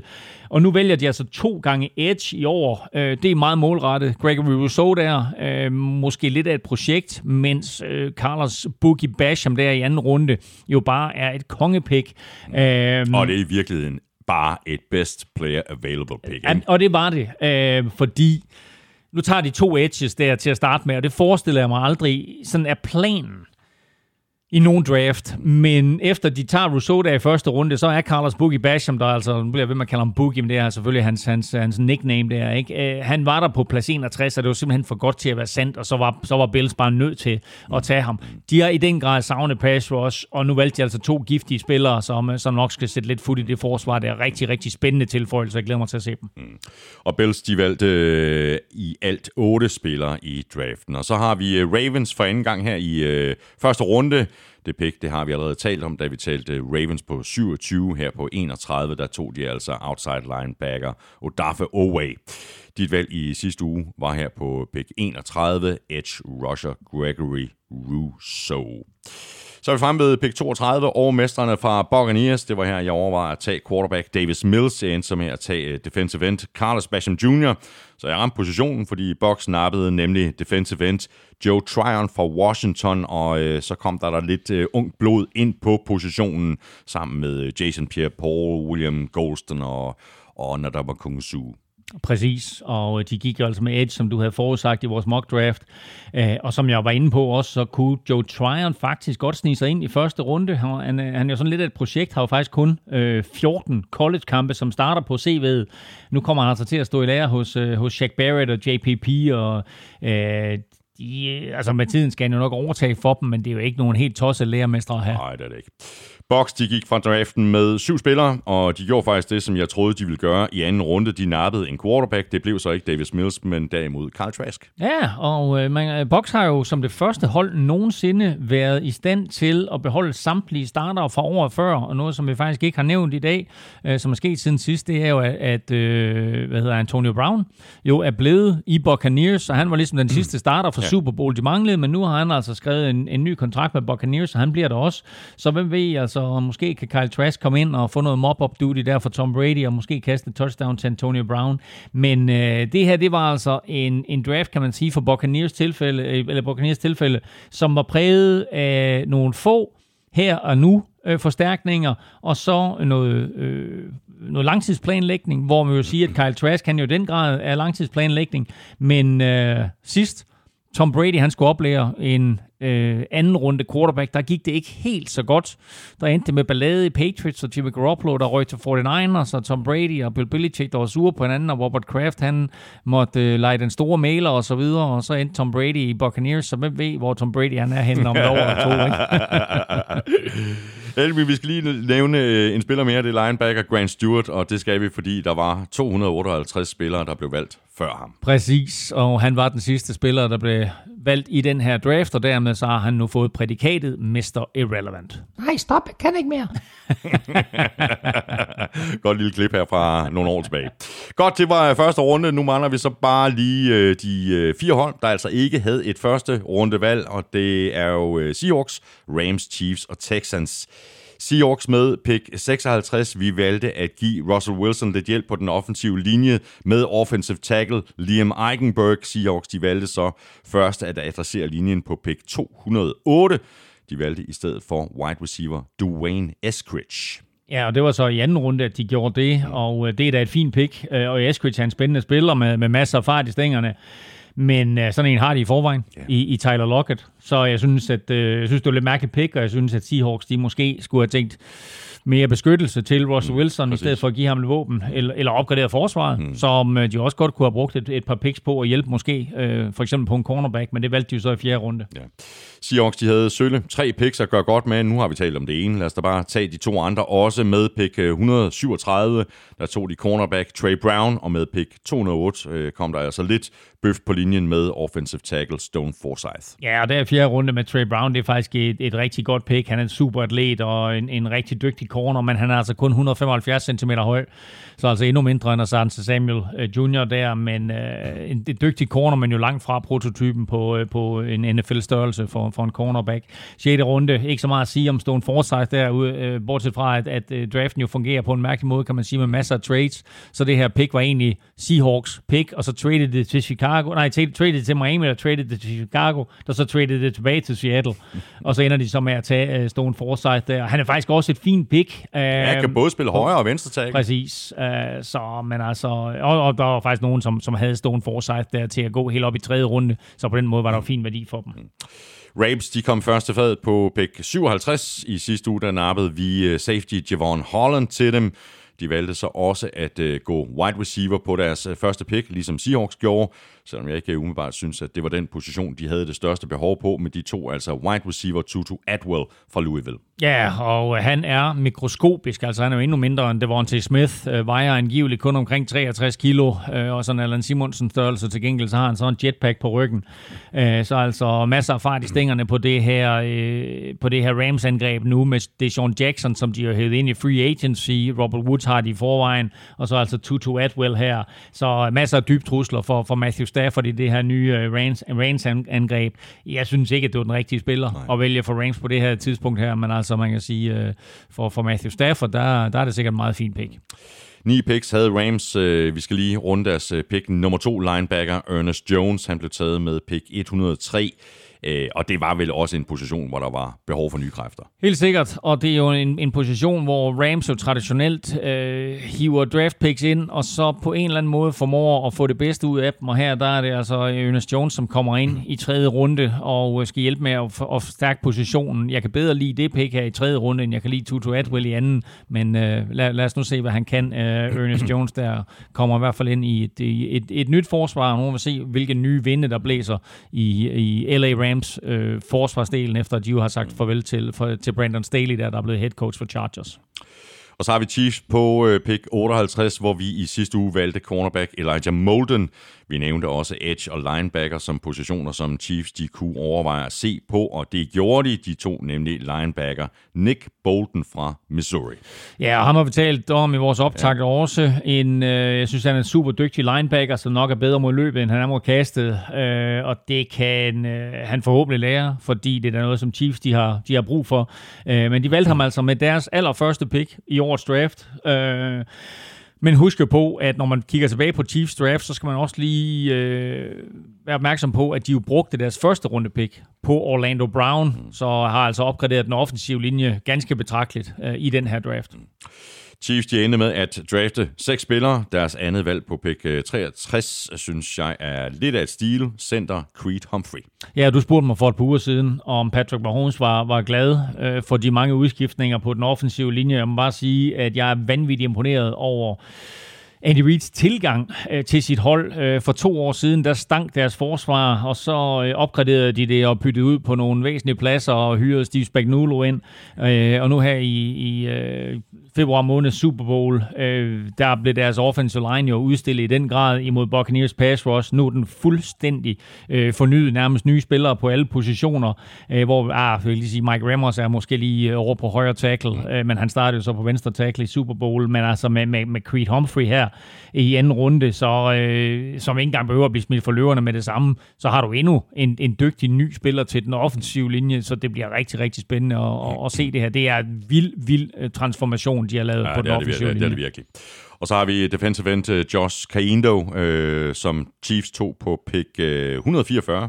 Rigtig godt pick. Øh, masser af upside i hvert fald. Ja, bestemt stor dreng, og, og den, den nye type, som de godt kan lide, altså sådan i Frank Clark-størrelsen der. Øh, så, så det, er, det er den type, som, som de ligesom har valgt passer ind i Steve Spagnolos forsvar. Så også interessant at se, hvad han kan, men altså øh, først draftet der i, i fjerde runde. Og så mangler vi bare, at Texans, der altså først havde et pick i begyndelsen af tredje runde, pick 67. Vi tog offensive tackle Jalen Mayfield i øh, mock draften i sidste uge. Hvis vi havde vidst, at quarterback Jalen Mills stadig var Dave, undrafted. Davis. Davis Mills selvfølgelig. Davis Mills øh, stadig var undrafted, så havde vi nok øh, taget ham. Jeg synes, det er et rigtig godt valg her på, øh, på 67. Du synes, det er et godt valg? Ja, det synes jeg faktisk. Hvorfor? Hvem ved, hvad der sker? Ja, det, ja, ja, okay. Jamen prøv at høre, det, det, det er faktisk en god måde at betragte det på. De får jo en, det var min første tanke, de, de får jo det. en kanonspiller i Davis Mills i tredje runde, men altså, de har Deshaun Watson, og de har hævet Tyrod Taylor ind, men altså... Øh, altså, det er måske nok et signal om, at et... Øh, de ikke ved, hvad der sker men det er Sean Watson, og spørgsmålet er, om de overhovedet har ham til rådighed i år. Og to, at hans dage i Houston måske er talte. Uh, Davis Mills var der mange, der havde i anden runde, mm. og også vurderet som den 6. bedste quarterback, men altså Vikings gik ind og, og draftede Kellen Mond der i øvrigt med picket inden Davis Mills. Uh, men de havde bare så mange mangler på det mandskab her, at jeg synes, at det er overraskende, at når de først drafter, altså træder ind i draften i tredje runde, at deres første pick så er en quarterback. Det overraskede mig. Ja. Jeg, jeg tænkte på det på, på, på to måder. Øh, dels øh, ved de ikke, hvad der sker med Jason Watson, og dels kan det jo være sådan, at man kan handle en quarterback videre på et senere tidspunkt, altså måske om et år eller måske to år, og så kommer der noget draft-kapital øh, tilbage. Ja, ja, altså hvis det er langsigtet på den måde, så fair nok, men altså, jeg, jeg tror, jeg, jeg var gået i en anden retning. Ja, men er Texans ikke, ikke ude i at tænke langsigtet? Jo, det, jo, for en gang skyld. Texans, de tilføjede fem spillere i draften. Wide receiver Nico Collins fik de på pick 89. Øh, det var så også øh, kun fordi, de traded op for at få ham. Og det, det er noget andet, jeg tænker på i forhold til Texans. Øh, er de ikke en situation, hvor det handler om at få rigtig mange spillere ind. Lidt ligesom Vikings har gjort mm. nu nogle år i træk. De ender med at komme derfra med fem stykke. Ja, ja, det er ikke mange spillere, kan man sige, på, på et mandskab, der har mange mangler. Men altså på den anden side, når de først træder ind der i tredje runde, så drejer det sig sgu også om at få nogle gode spillere. Jeg tror, at den her draft, den skal bare overstå, så komme derfra med så godt et resultat som muligt. Og der er det ikke et spørgsmål om, at du hiver 15 spillere ind i 5., 6. og 7. runde. Øh, der går du med, med det, du føler er de to bedste spillere, du kan få i tredje runde. Jeg er stadigvæk lidt overrasket over David Millers, der er quarterback, men jeg synes, Nico Collins er et rigtig fint pick. Øh, jeg kan godt lide ham, han er super atletisk og, og giver dem et fint våben på siden, hvor de jo efter farvel til, til DeAndre Hopkins og Will Fuller og Kenny Stills øh, virkelig har brug for noget firepower. Så, øh, så ham og Brandon Cooks der øh, kan, kan, kan faktisk godt give dem noget fart, og så må vi se, hvem der skal kaste bolde til dem. Ja. Så er vi igennem alle 32 hold. Skal vi lige nævne et par navne, som ikke blev draftet, men som er blevet øh, signet alligevel øh, efterfølgende? Altså, jeg, jeg, har, jeg har udvalgt fire. Øh, den mest spændende, synes jeg, er en running back, der hedder Jared Patterson, som øh, Buffalo har skrevet under. Nej, undskyld, som øh, Washington, Washington, Washington ja. Football Team har skrevet under med. Han er en bitte lord. Han er en ægte raketsmølf. Altså, han er en lille bitte spiller, men han er super eksplosiv. Han scorede 52 touchdowns i 33 kampe for, øh, for sit college-mandskab der, men altså er sådan Allan Simonsen størrelse, så omkring 167 cm, men så til gengæld pakker han lige 85 kilo på den der, fra, øh, den der ramme der, så en, en, en sjov spiller. Hold øje med ham, Jared Patterson, altså det glæder mig til at se ham. Øh, Philippe Franks øh, er en quarterback, som Atlanta Falcons øh, signede. Øh, rigtig spændende at se, hvad, hvad der sker med ham.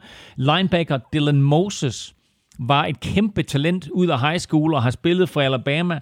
Uh, ham signer Jacksonville Jaguars umiddelbart efter draften, og så uh, drafter Seahawks jo uh, den her uh, receiver Eskridge der uh, med deres første pick, og alligevel så uh, signer de så Kate Johnson, som undrafted free agent umiddelbart efter draften, og han er altså også rigtig, rigtig spændende. Mm. Lækker receiver, flydende bevægelser, atletisk osv., så, videre, så, så han, kunne, han kunne sagtens komme på holdet. Men man skal lægge mærke til alle de her picks her, som er, foretaget i 5., 6., 7. runde. Man kan, man kan sige det på den måde, hvis jeg skulle dele draften op. Første til fjerde runde, de skal virkelig gøre noget galt, for ikke at komme på holdet. 5. til 7. runde, de skal virkelig bevise noget, for at komme på holdet. Og så er der alle de her undrafted free agents. De kommer lidt ind som kanonføde, men de gode af dem, de får altså lov til at, at, at, at blive på hold og kommer i 55-mandstruppen. Ja, ikke? Så øh, og det her det er fire spillere, som umiddelbart har chancen. Det var det. Øh, lige om lidt, der får du en uh, top 5 over de hold, som Elming synes har gjort det bedste her i draften. Du får så også en bund 5, og derudover kommer der også et bud på, hvilke pick, der var det allerbedste, og hvilket, der var det største reach. Inden da, der skal vi lige have trukket lod om en uh, ordentlig omgang håndlavet og prisvindende luksuslakris fra Bagsvald Lakris til en værdi af 290 kroner. Og som vi øh, sagde allerede sidste uge, så trækker vi altså lod blandt alle, der støtter os på tier.dk. Hver fem, du støtter os med, giver dig et lod i lodtrækningen. Elming, inden vi trækker lod, så skal vi lige uh, smage på varerne. Uh, og det er jo ikke lakridser, uh, det her. Uh, det er jo hele plader mm. lakrids, som man sådan skal skære ud med en uh, kniv. Der er øh, classic, der er salmiak, der er en øh, sød, der er chili, ingefær og mynte.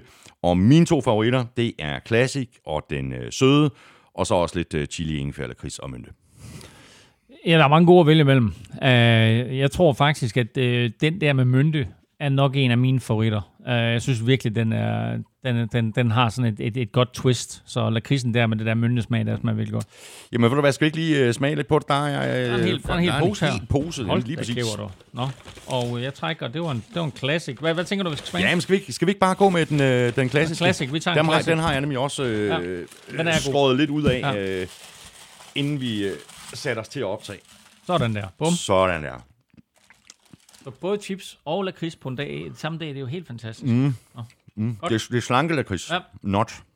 Okay. det smager rigtig godt. Ja. Hold op. Nå, Elming, nu skal vi have fundet en øh, heldig vinder blandt alle, der støtter os på øh, tier.dk.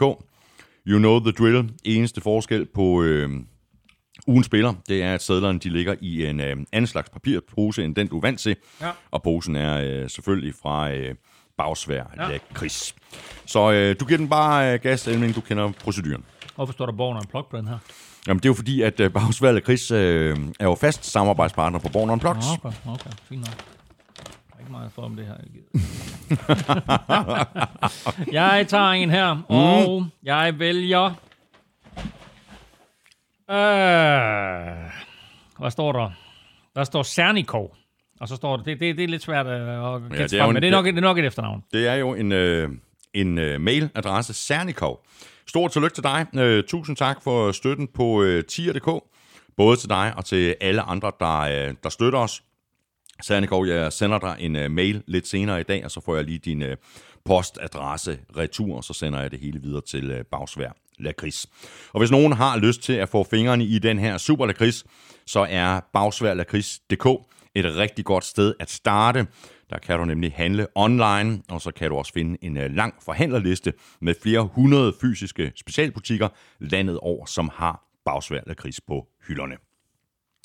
Elming, her sidder vi så med en uh, rigtig god øh, smag i munden. Spørgsmålet er, om øh, alle lytterne de også har en god smag i munden, når du har leveret din øh, top og bund Jamen altså, jeg lavede jo øh, faktisk ind på øh, Gul Klud, der lavede jeg jo sådan en, øh, en oversigt over, øh, eller ikke en oversigt, men jeg gav simpelthen karakterer til, øh, til alle holdene derinde, og øh, vi har jo i vores gennemgang her skitseret, hvad for nogle hold, jeg synes, der gjorde det virkelig godt, og hvad for nogle, der gjorde det knap så godt, men øh, lad mig starte med de fire mandskaber, som jeg gav 12 i øh, karakter. Og øh, selvom der måske nok var nogen, der var uenige med mig i det, så kan jeg ikke komme udenom Jacksonville Jaguars.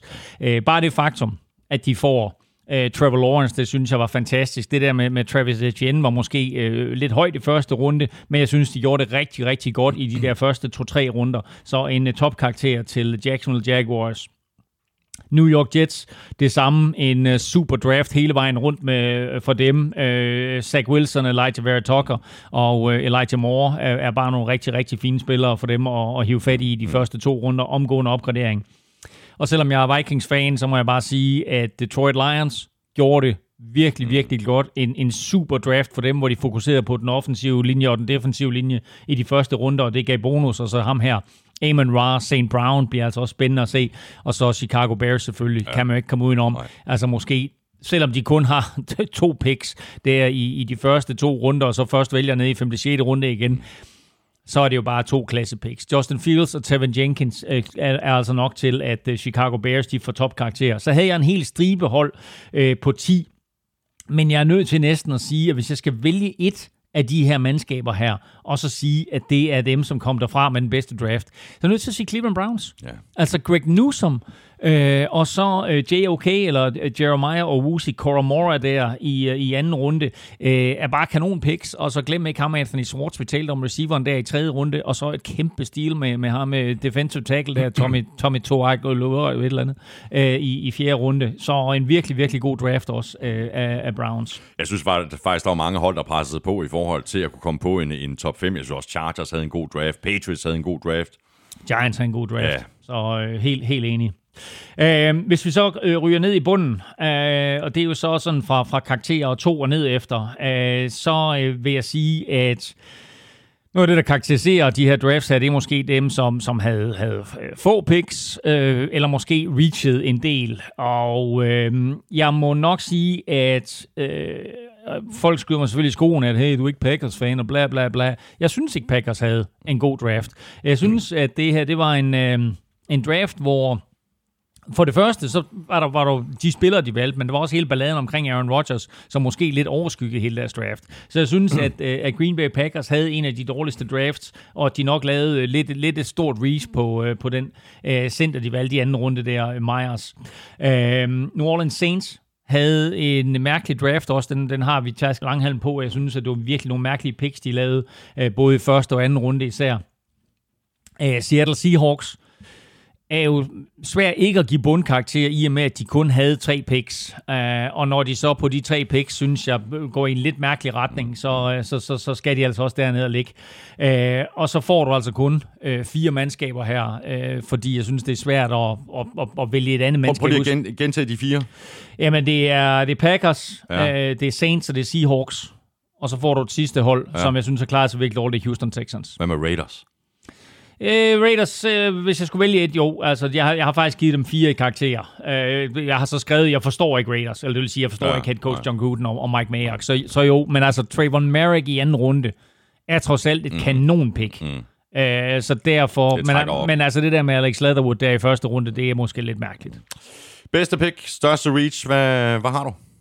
Jamen altså, øh, størst, eller bedste pick vil jeg, vil jeg, vil jeg, vil jeg starte. Der, der er flere at vælge mellem, men altså Titans, at de får Elijah Molden der i, i tredje runde med pick 100, det er altså det, det er et ret suverænt pick. Terrace Marshall, der falder til Panthers øh, med pick, øh, pick 59 øh, i anden runde, er også klasse. Og så igen vil jeg altså bare fremhæve Aziz Adjulari til New York Giants med øh, pick 50. Det er altså helt igennem verdensklasse, øh, at de får ham der.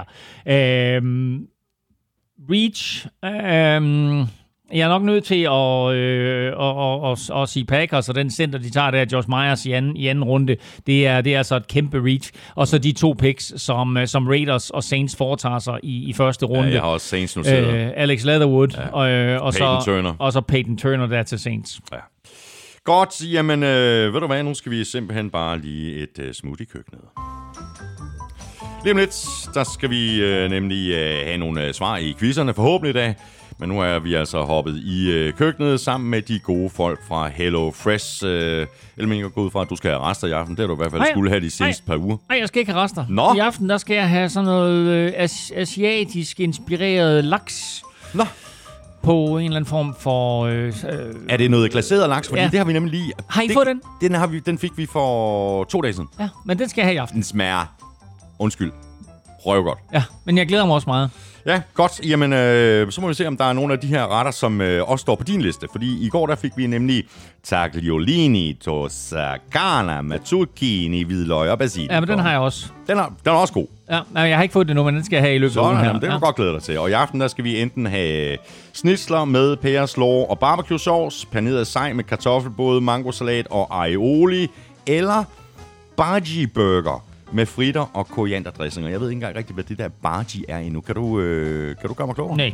Jeg, jeg, valgte, jeg valgte den faktisk fra. Er det Øh, rigtigt? Ja, man kan jo vælge. Du har, der, der var fire, der er forvalgt til dig, og så kan du så, eller fire eller fem, eller mange du nu har. Du kan da vælge dem alle frem. Du kan vælge dem alle sammen fra.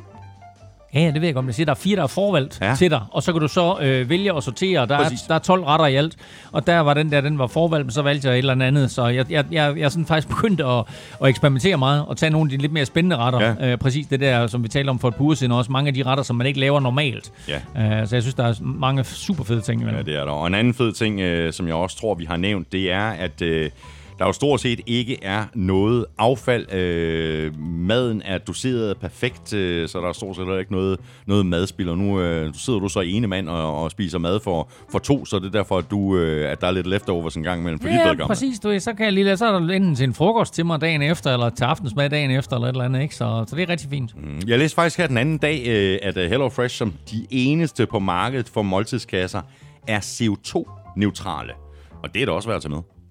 I disse tider, Claus Elming, der er det værd at tage med. Jeg ved godt, at du primært går op i én ting, og det er, at maden den er god, den smager godt. Præcis. Og det gør den også. det gør den også. Det er, ja. Ja. selvfølgelig, det er selvfølgelig checkpoint nummer et. Sådan det, der. Det er, ja, det er men, klart. Men det er, ja, ja, det er, og, det, og det er selvfølgelig væsentligt i, i de her tider også at gå op i det og, og, og sige, at alt det der emballage, der kommer, mm. øh, at det, det er selvfølgelig CO2-neutralt, men, øh, men det er primært maden, som jeg synes er den, den helt store selling point for Hello Det Fresh. er det også. Og hvis du også øh, synes, at øh, det her Hello Fresh, det egentlig lyder ret spændende, så kan du altså spare op til 550 kroner på dine første fire måltidskasser, hvis du signer op nu, og hvis du vel at mærke øh, ikke allerede er kunde hos Hello Fresh. Det sker på hellofresh.dk, og du kan altså spare op til øh, 550 kroner, hvis du bruger koden NFL. Du binder dig ikke til noget, men hvis du ikke ønsker at fortsætte med måltidskasserne, så skal du huske at øh, melde fra igen. Vi skal have quizzen! Åh, oh. Det er tid til quiz, quiz, quiz, quiz, quiz. Nå, Claus Helming. Nu skal vi have øh, svaret på de her quizzer her. Øhm, det, er, det er mig, der plejer at svare først, ikke?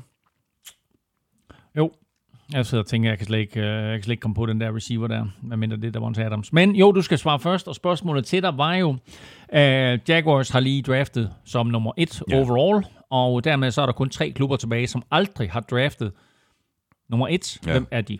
Ja, der er et hold, der står og råber og skriger til mig. Ja. Øhm, det er lidt et, øh, et slag på tasken. Ja. Men jeg tror aldrig, Broncos har valgt et. Det er nemlig korrekt. Wow. Det er, Nå, fuldstændig, det er fuldstændig rigtigt. Tak for det. Ja, de har valgt uh, nummer Må jeg gå nu så? Nej, du har lige to mere, du skal ramme. Jeg vil sige, at Broncos valgte nummer to i 2011. Ja.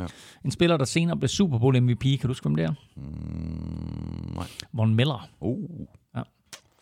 Cam Newton Var var, det et- med pick nummer to? Okay. Ja, Cam Newton var pick nummer et. De mødtes i Super Bowl, de to jo. mm. Godt. Så er der to andre klubber. Ja. Du skal tænke lidt, du skal tænke lidt, lidt nyere klubber. Det Ja. vil sige, det er ikke sådan noget Chicago Bears og Nej, det Green Bay klart. Nej, Packers. nej, nej, klart. Selvom Chicago Bears har ikke haft number one overall pick siden sådan noget 1948-agtigt. Ja. Uh, det er jo ikke Texans. Uh, Nej. Hvad med Ravens? Korrekt, mand. Kæft, hvor du skarp, mand. Baltimore Ravens. Øh, deres højeste pick nogensinde er faktisk pick nummer 4, og det var i deres allerførste Wow. draft, det Wow. år, de kom ind i ligaen, hvor de valgte, de havde to picks i første runde, men med pick nummer 4, der valgte de Jonathan Ogden, offensive tackle, som siden er kommet i Hall of Fame. Den anden spiller, de valgte i første runde i deres første draft, hvem var det? Ray Lewis. Wow. Oh, Pick- forholdsvis stabilt valg. 26 eller noget i den retning, Wow. man er. Ja. Okay. Nå, Og så er der altså et hold mere. Så er der en tilbage. Det er, det er et forholdsvis nyt hold, øh, men du skal lige alligevel lige tilbage. Jeg tror, de kom ind i starten af 70'erne i NFL. Sådan 70'erne. Bop, bop, bop, Ja. bop, bop, bop. Kan du Et hold, der, et hold, der har flyttet mellem AFC og NFC et par gange, faktisk. Øh, uh, så kan det være Seahawks. Fuldstændig korrekt. Ui. Yeah! yeah! De øh, har valgt nummer to to gange. Øh, seneste gang var i 1993, hvor de tog quarterback Rick Myra mm-hmm. fra Notre Dame. Og nu er der altså kommet en ny Notre Dame quarterback ind i NFL i år i form af Ian Book til Saints. Så var der øh, det quizzen fra øh, Armstrong. Ja. Øh, I Aaron Rodgers æren, hvilken receiver har Packers draftet højest? Jamen, jeg er nødt til at sige, at det var til Adams. Jamen, det ved jeg godt, du insisterer på. Ja. Det er den, øh, det er den øh, receiver, der er draftet næsthøjst. Okay, så var jeg lige omkring Randall Cobb, men jeg er i tvivl Ja. om, han var anden runde, han var tredje runde. Jeg siger Randall Cobb. Det er pick 64, og øh, Davante Adams var 53, så du bevæger dig i den forkerte oh. retning. Det er en øh, spiller, der blev taget med pick nummer 36. Okay. Og jeg kan hjælpe så meget, Så som at sige, runde. at han, øh, han, han har sådan et, øh, et svensk klingende efternavn. Øh, Bo Svensson. Nej, bare efternavn. Og han hedder ikke Svensson. øh, Andersson. Nej. Nej. Nej, nej, okay.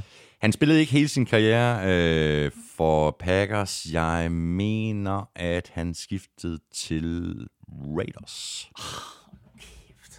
Han blev draftet i 2008. Jeg er helt, jeg er helt på bare bund. Er du det? Jeg er fuldstændig bare bund. du, du bliver så træt af det, når jeg siger hans navn. Ja. Jordi. Nelson. Nej.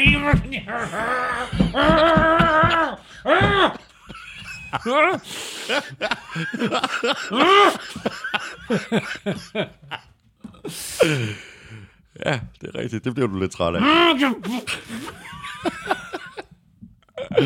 tak for det, Elming. Det været en fornøjelse. Helvede. det var en god afrunding, det her. En god slutning. Jeg kan godt lide. Jeg kan godt lide det. Du er helt rød i hovedet. Jamen, jeg er også sur nu. Nå, hey. Hey! Det her er det bedste tidspunkt på året for alle Ja, det er. Nu 32 tror vi alle sammen, vi kan blive mestre, ikke? alle 32 NFL-hold ja. føler, at de er blevet forstærket, at alle er måske ja. undtagen Texans. Ja. Men ellers så er der altså 31 klubber, der lige nu tror på, hey, i år år er året. vores år. Ja. Og Elmin, nu går vi jo ind i en periode, hvor vi kun øh, udkommer hver anden uge øh, frem mod øh, sommerferien i juli om to uger. Der er, øh, der er kampprogrammet jo blevet offentliggjort for 2021-sæsonen, og det tager vi et øh, kig på. Det er, altså, det er jo noget senere i år, at det udkommer, Ja. men øh, jeg, altså, jeg glæder mig aller, allermest til at se, hvad NFL de gør med de in- internationale kampe. Ja. Og så er Det spændende, spændende. at der er 17 spillerunder mm, Mm, i år, mm. og, øh, eller ikke 17 spillerunder, der er 18 spillerunder og 17 kampe for alle. Så det bliver også spændende at se. Vi, øh, vi kender jo i forvejen alle de her forskellige øh, modstandere, den ekstra modstander, som de 32 klubber ja. får. Uh, så det kan man også gå ind og, og tjekke på Google hvis man vil se, hvem ens øh, hold skal møde. Men øh, det bliver rigtig fedt. Jeg glæder mig til, at, at kampprogrammet udkommer. Præcis. Tak for i dag. Tak til dig, fordi du lyttede med. Hvis du synes om det, vi laver, så skulle du tage og stikke os en anmeldelse og fem store stjerner. Et af de steder, det er muligt, for eksempel i iTunes. Du kan jo også handle lidt øh, uh, NFL-showet på nflshowdk-shop, og sidst men ikke mindst, så skal du ikke høre et ondt ord, hvis du støtter os med et uh, valgfrit beløb, hver gang vi uploader en ny episode. Det er der altså lige nu uh, 669 uh, gode mennesker, der gør, og kæmpe stort tak til hver og en af jer. Tak også til vores uh, gode venner og partnere fra Tafel, Bagsværd af Chris og Hello Fresh. Støt dem alle sammen, de støtter nemlig os. Og hvis du vil i kontakt med os, så skulle du tage at følge showet på Twitter og Facebook. Der kan du øh, kommentere og stille spørgsmål, og det kan du også på mail Følg Mr. Elming på Twitter på snablag NFLming. Mig kan du følge på snablag Thomas Kvartrup. Det var alt for nu. Tak for i dag, og Go Niners! NFL-showet er produceret af Kvartrup Media, der også produceret Danmarks store podcast om dansk politik. Det er den, der hedder Born Unplugged, som jeg laver sammen med politisk kommentator Lars Trier Mogensen. Vi er tilbage på fredag. Elming er i det tunge gear over på Veloropa-podcasten, og så er Elming og jeg ellers tilbage om to uger, når vi tager et uh, kig på det her kampprogram. Ha' det rigtig godt så længe. Hot odds.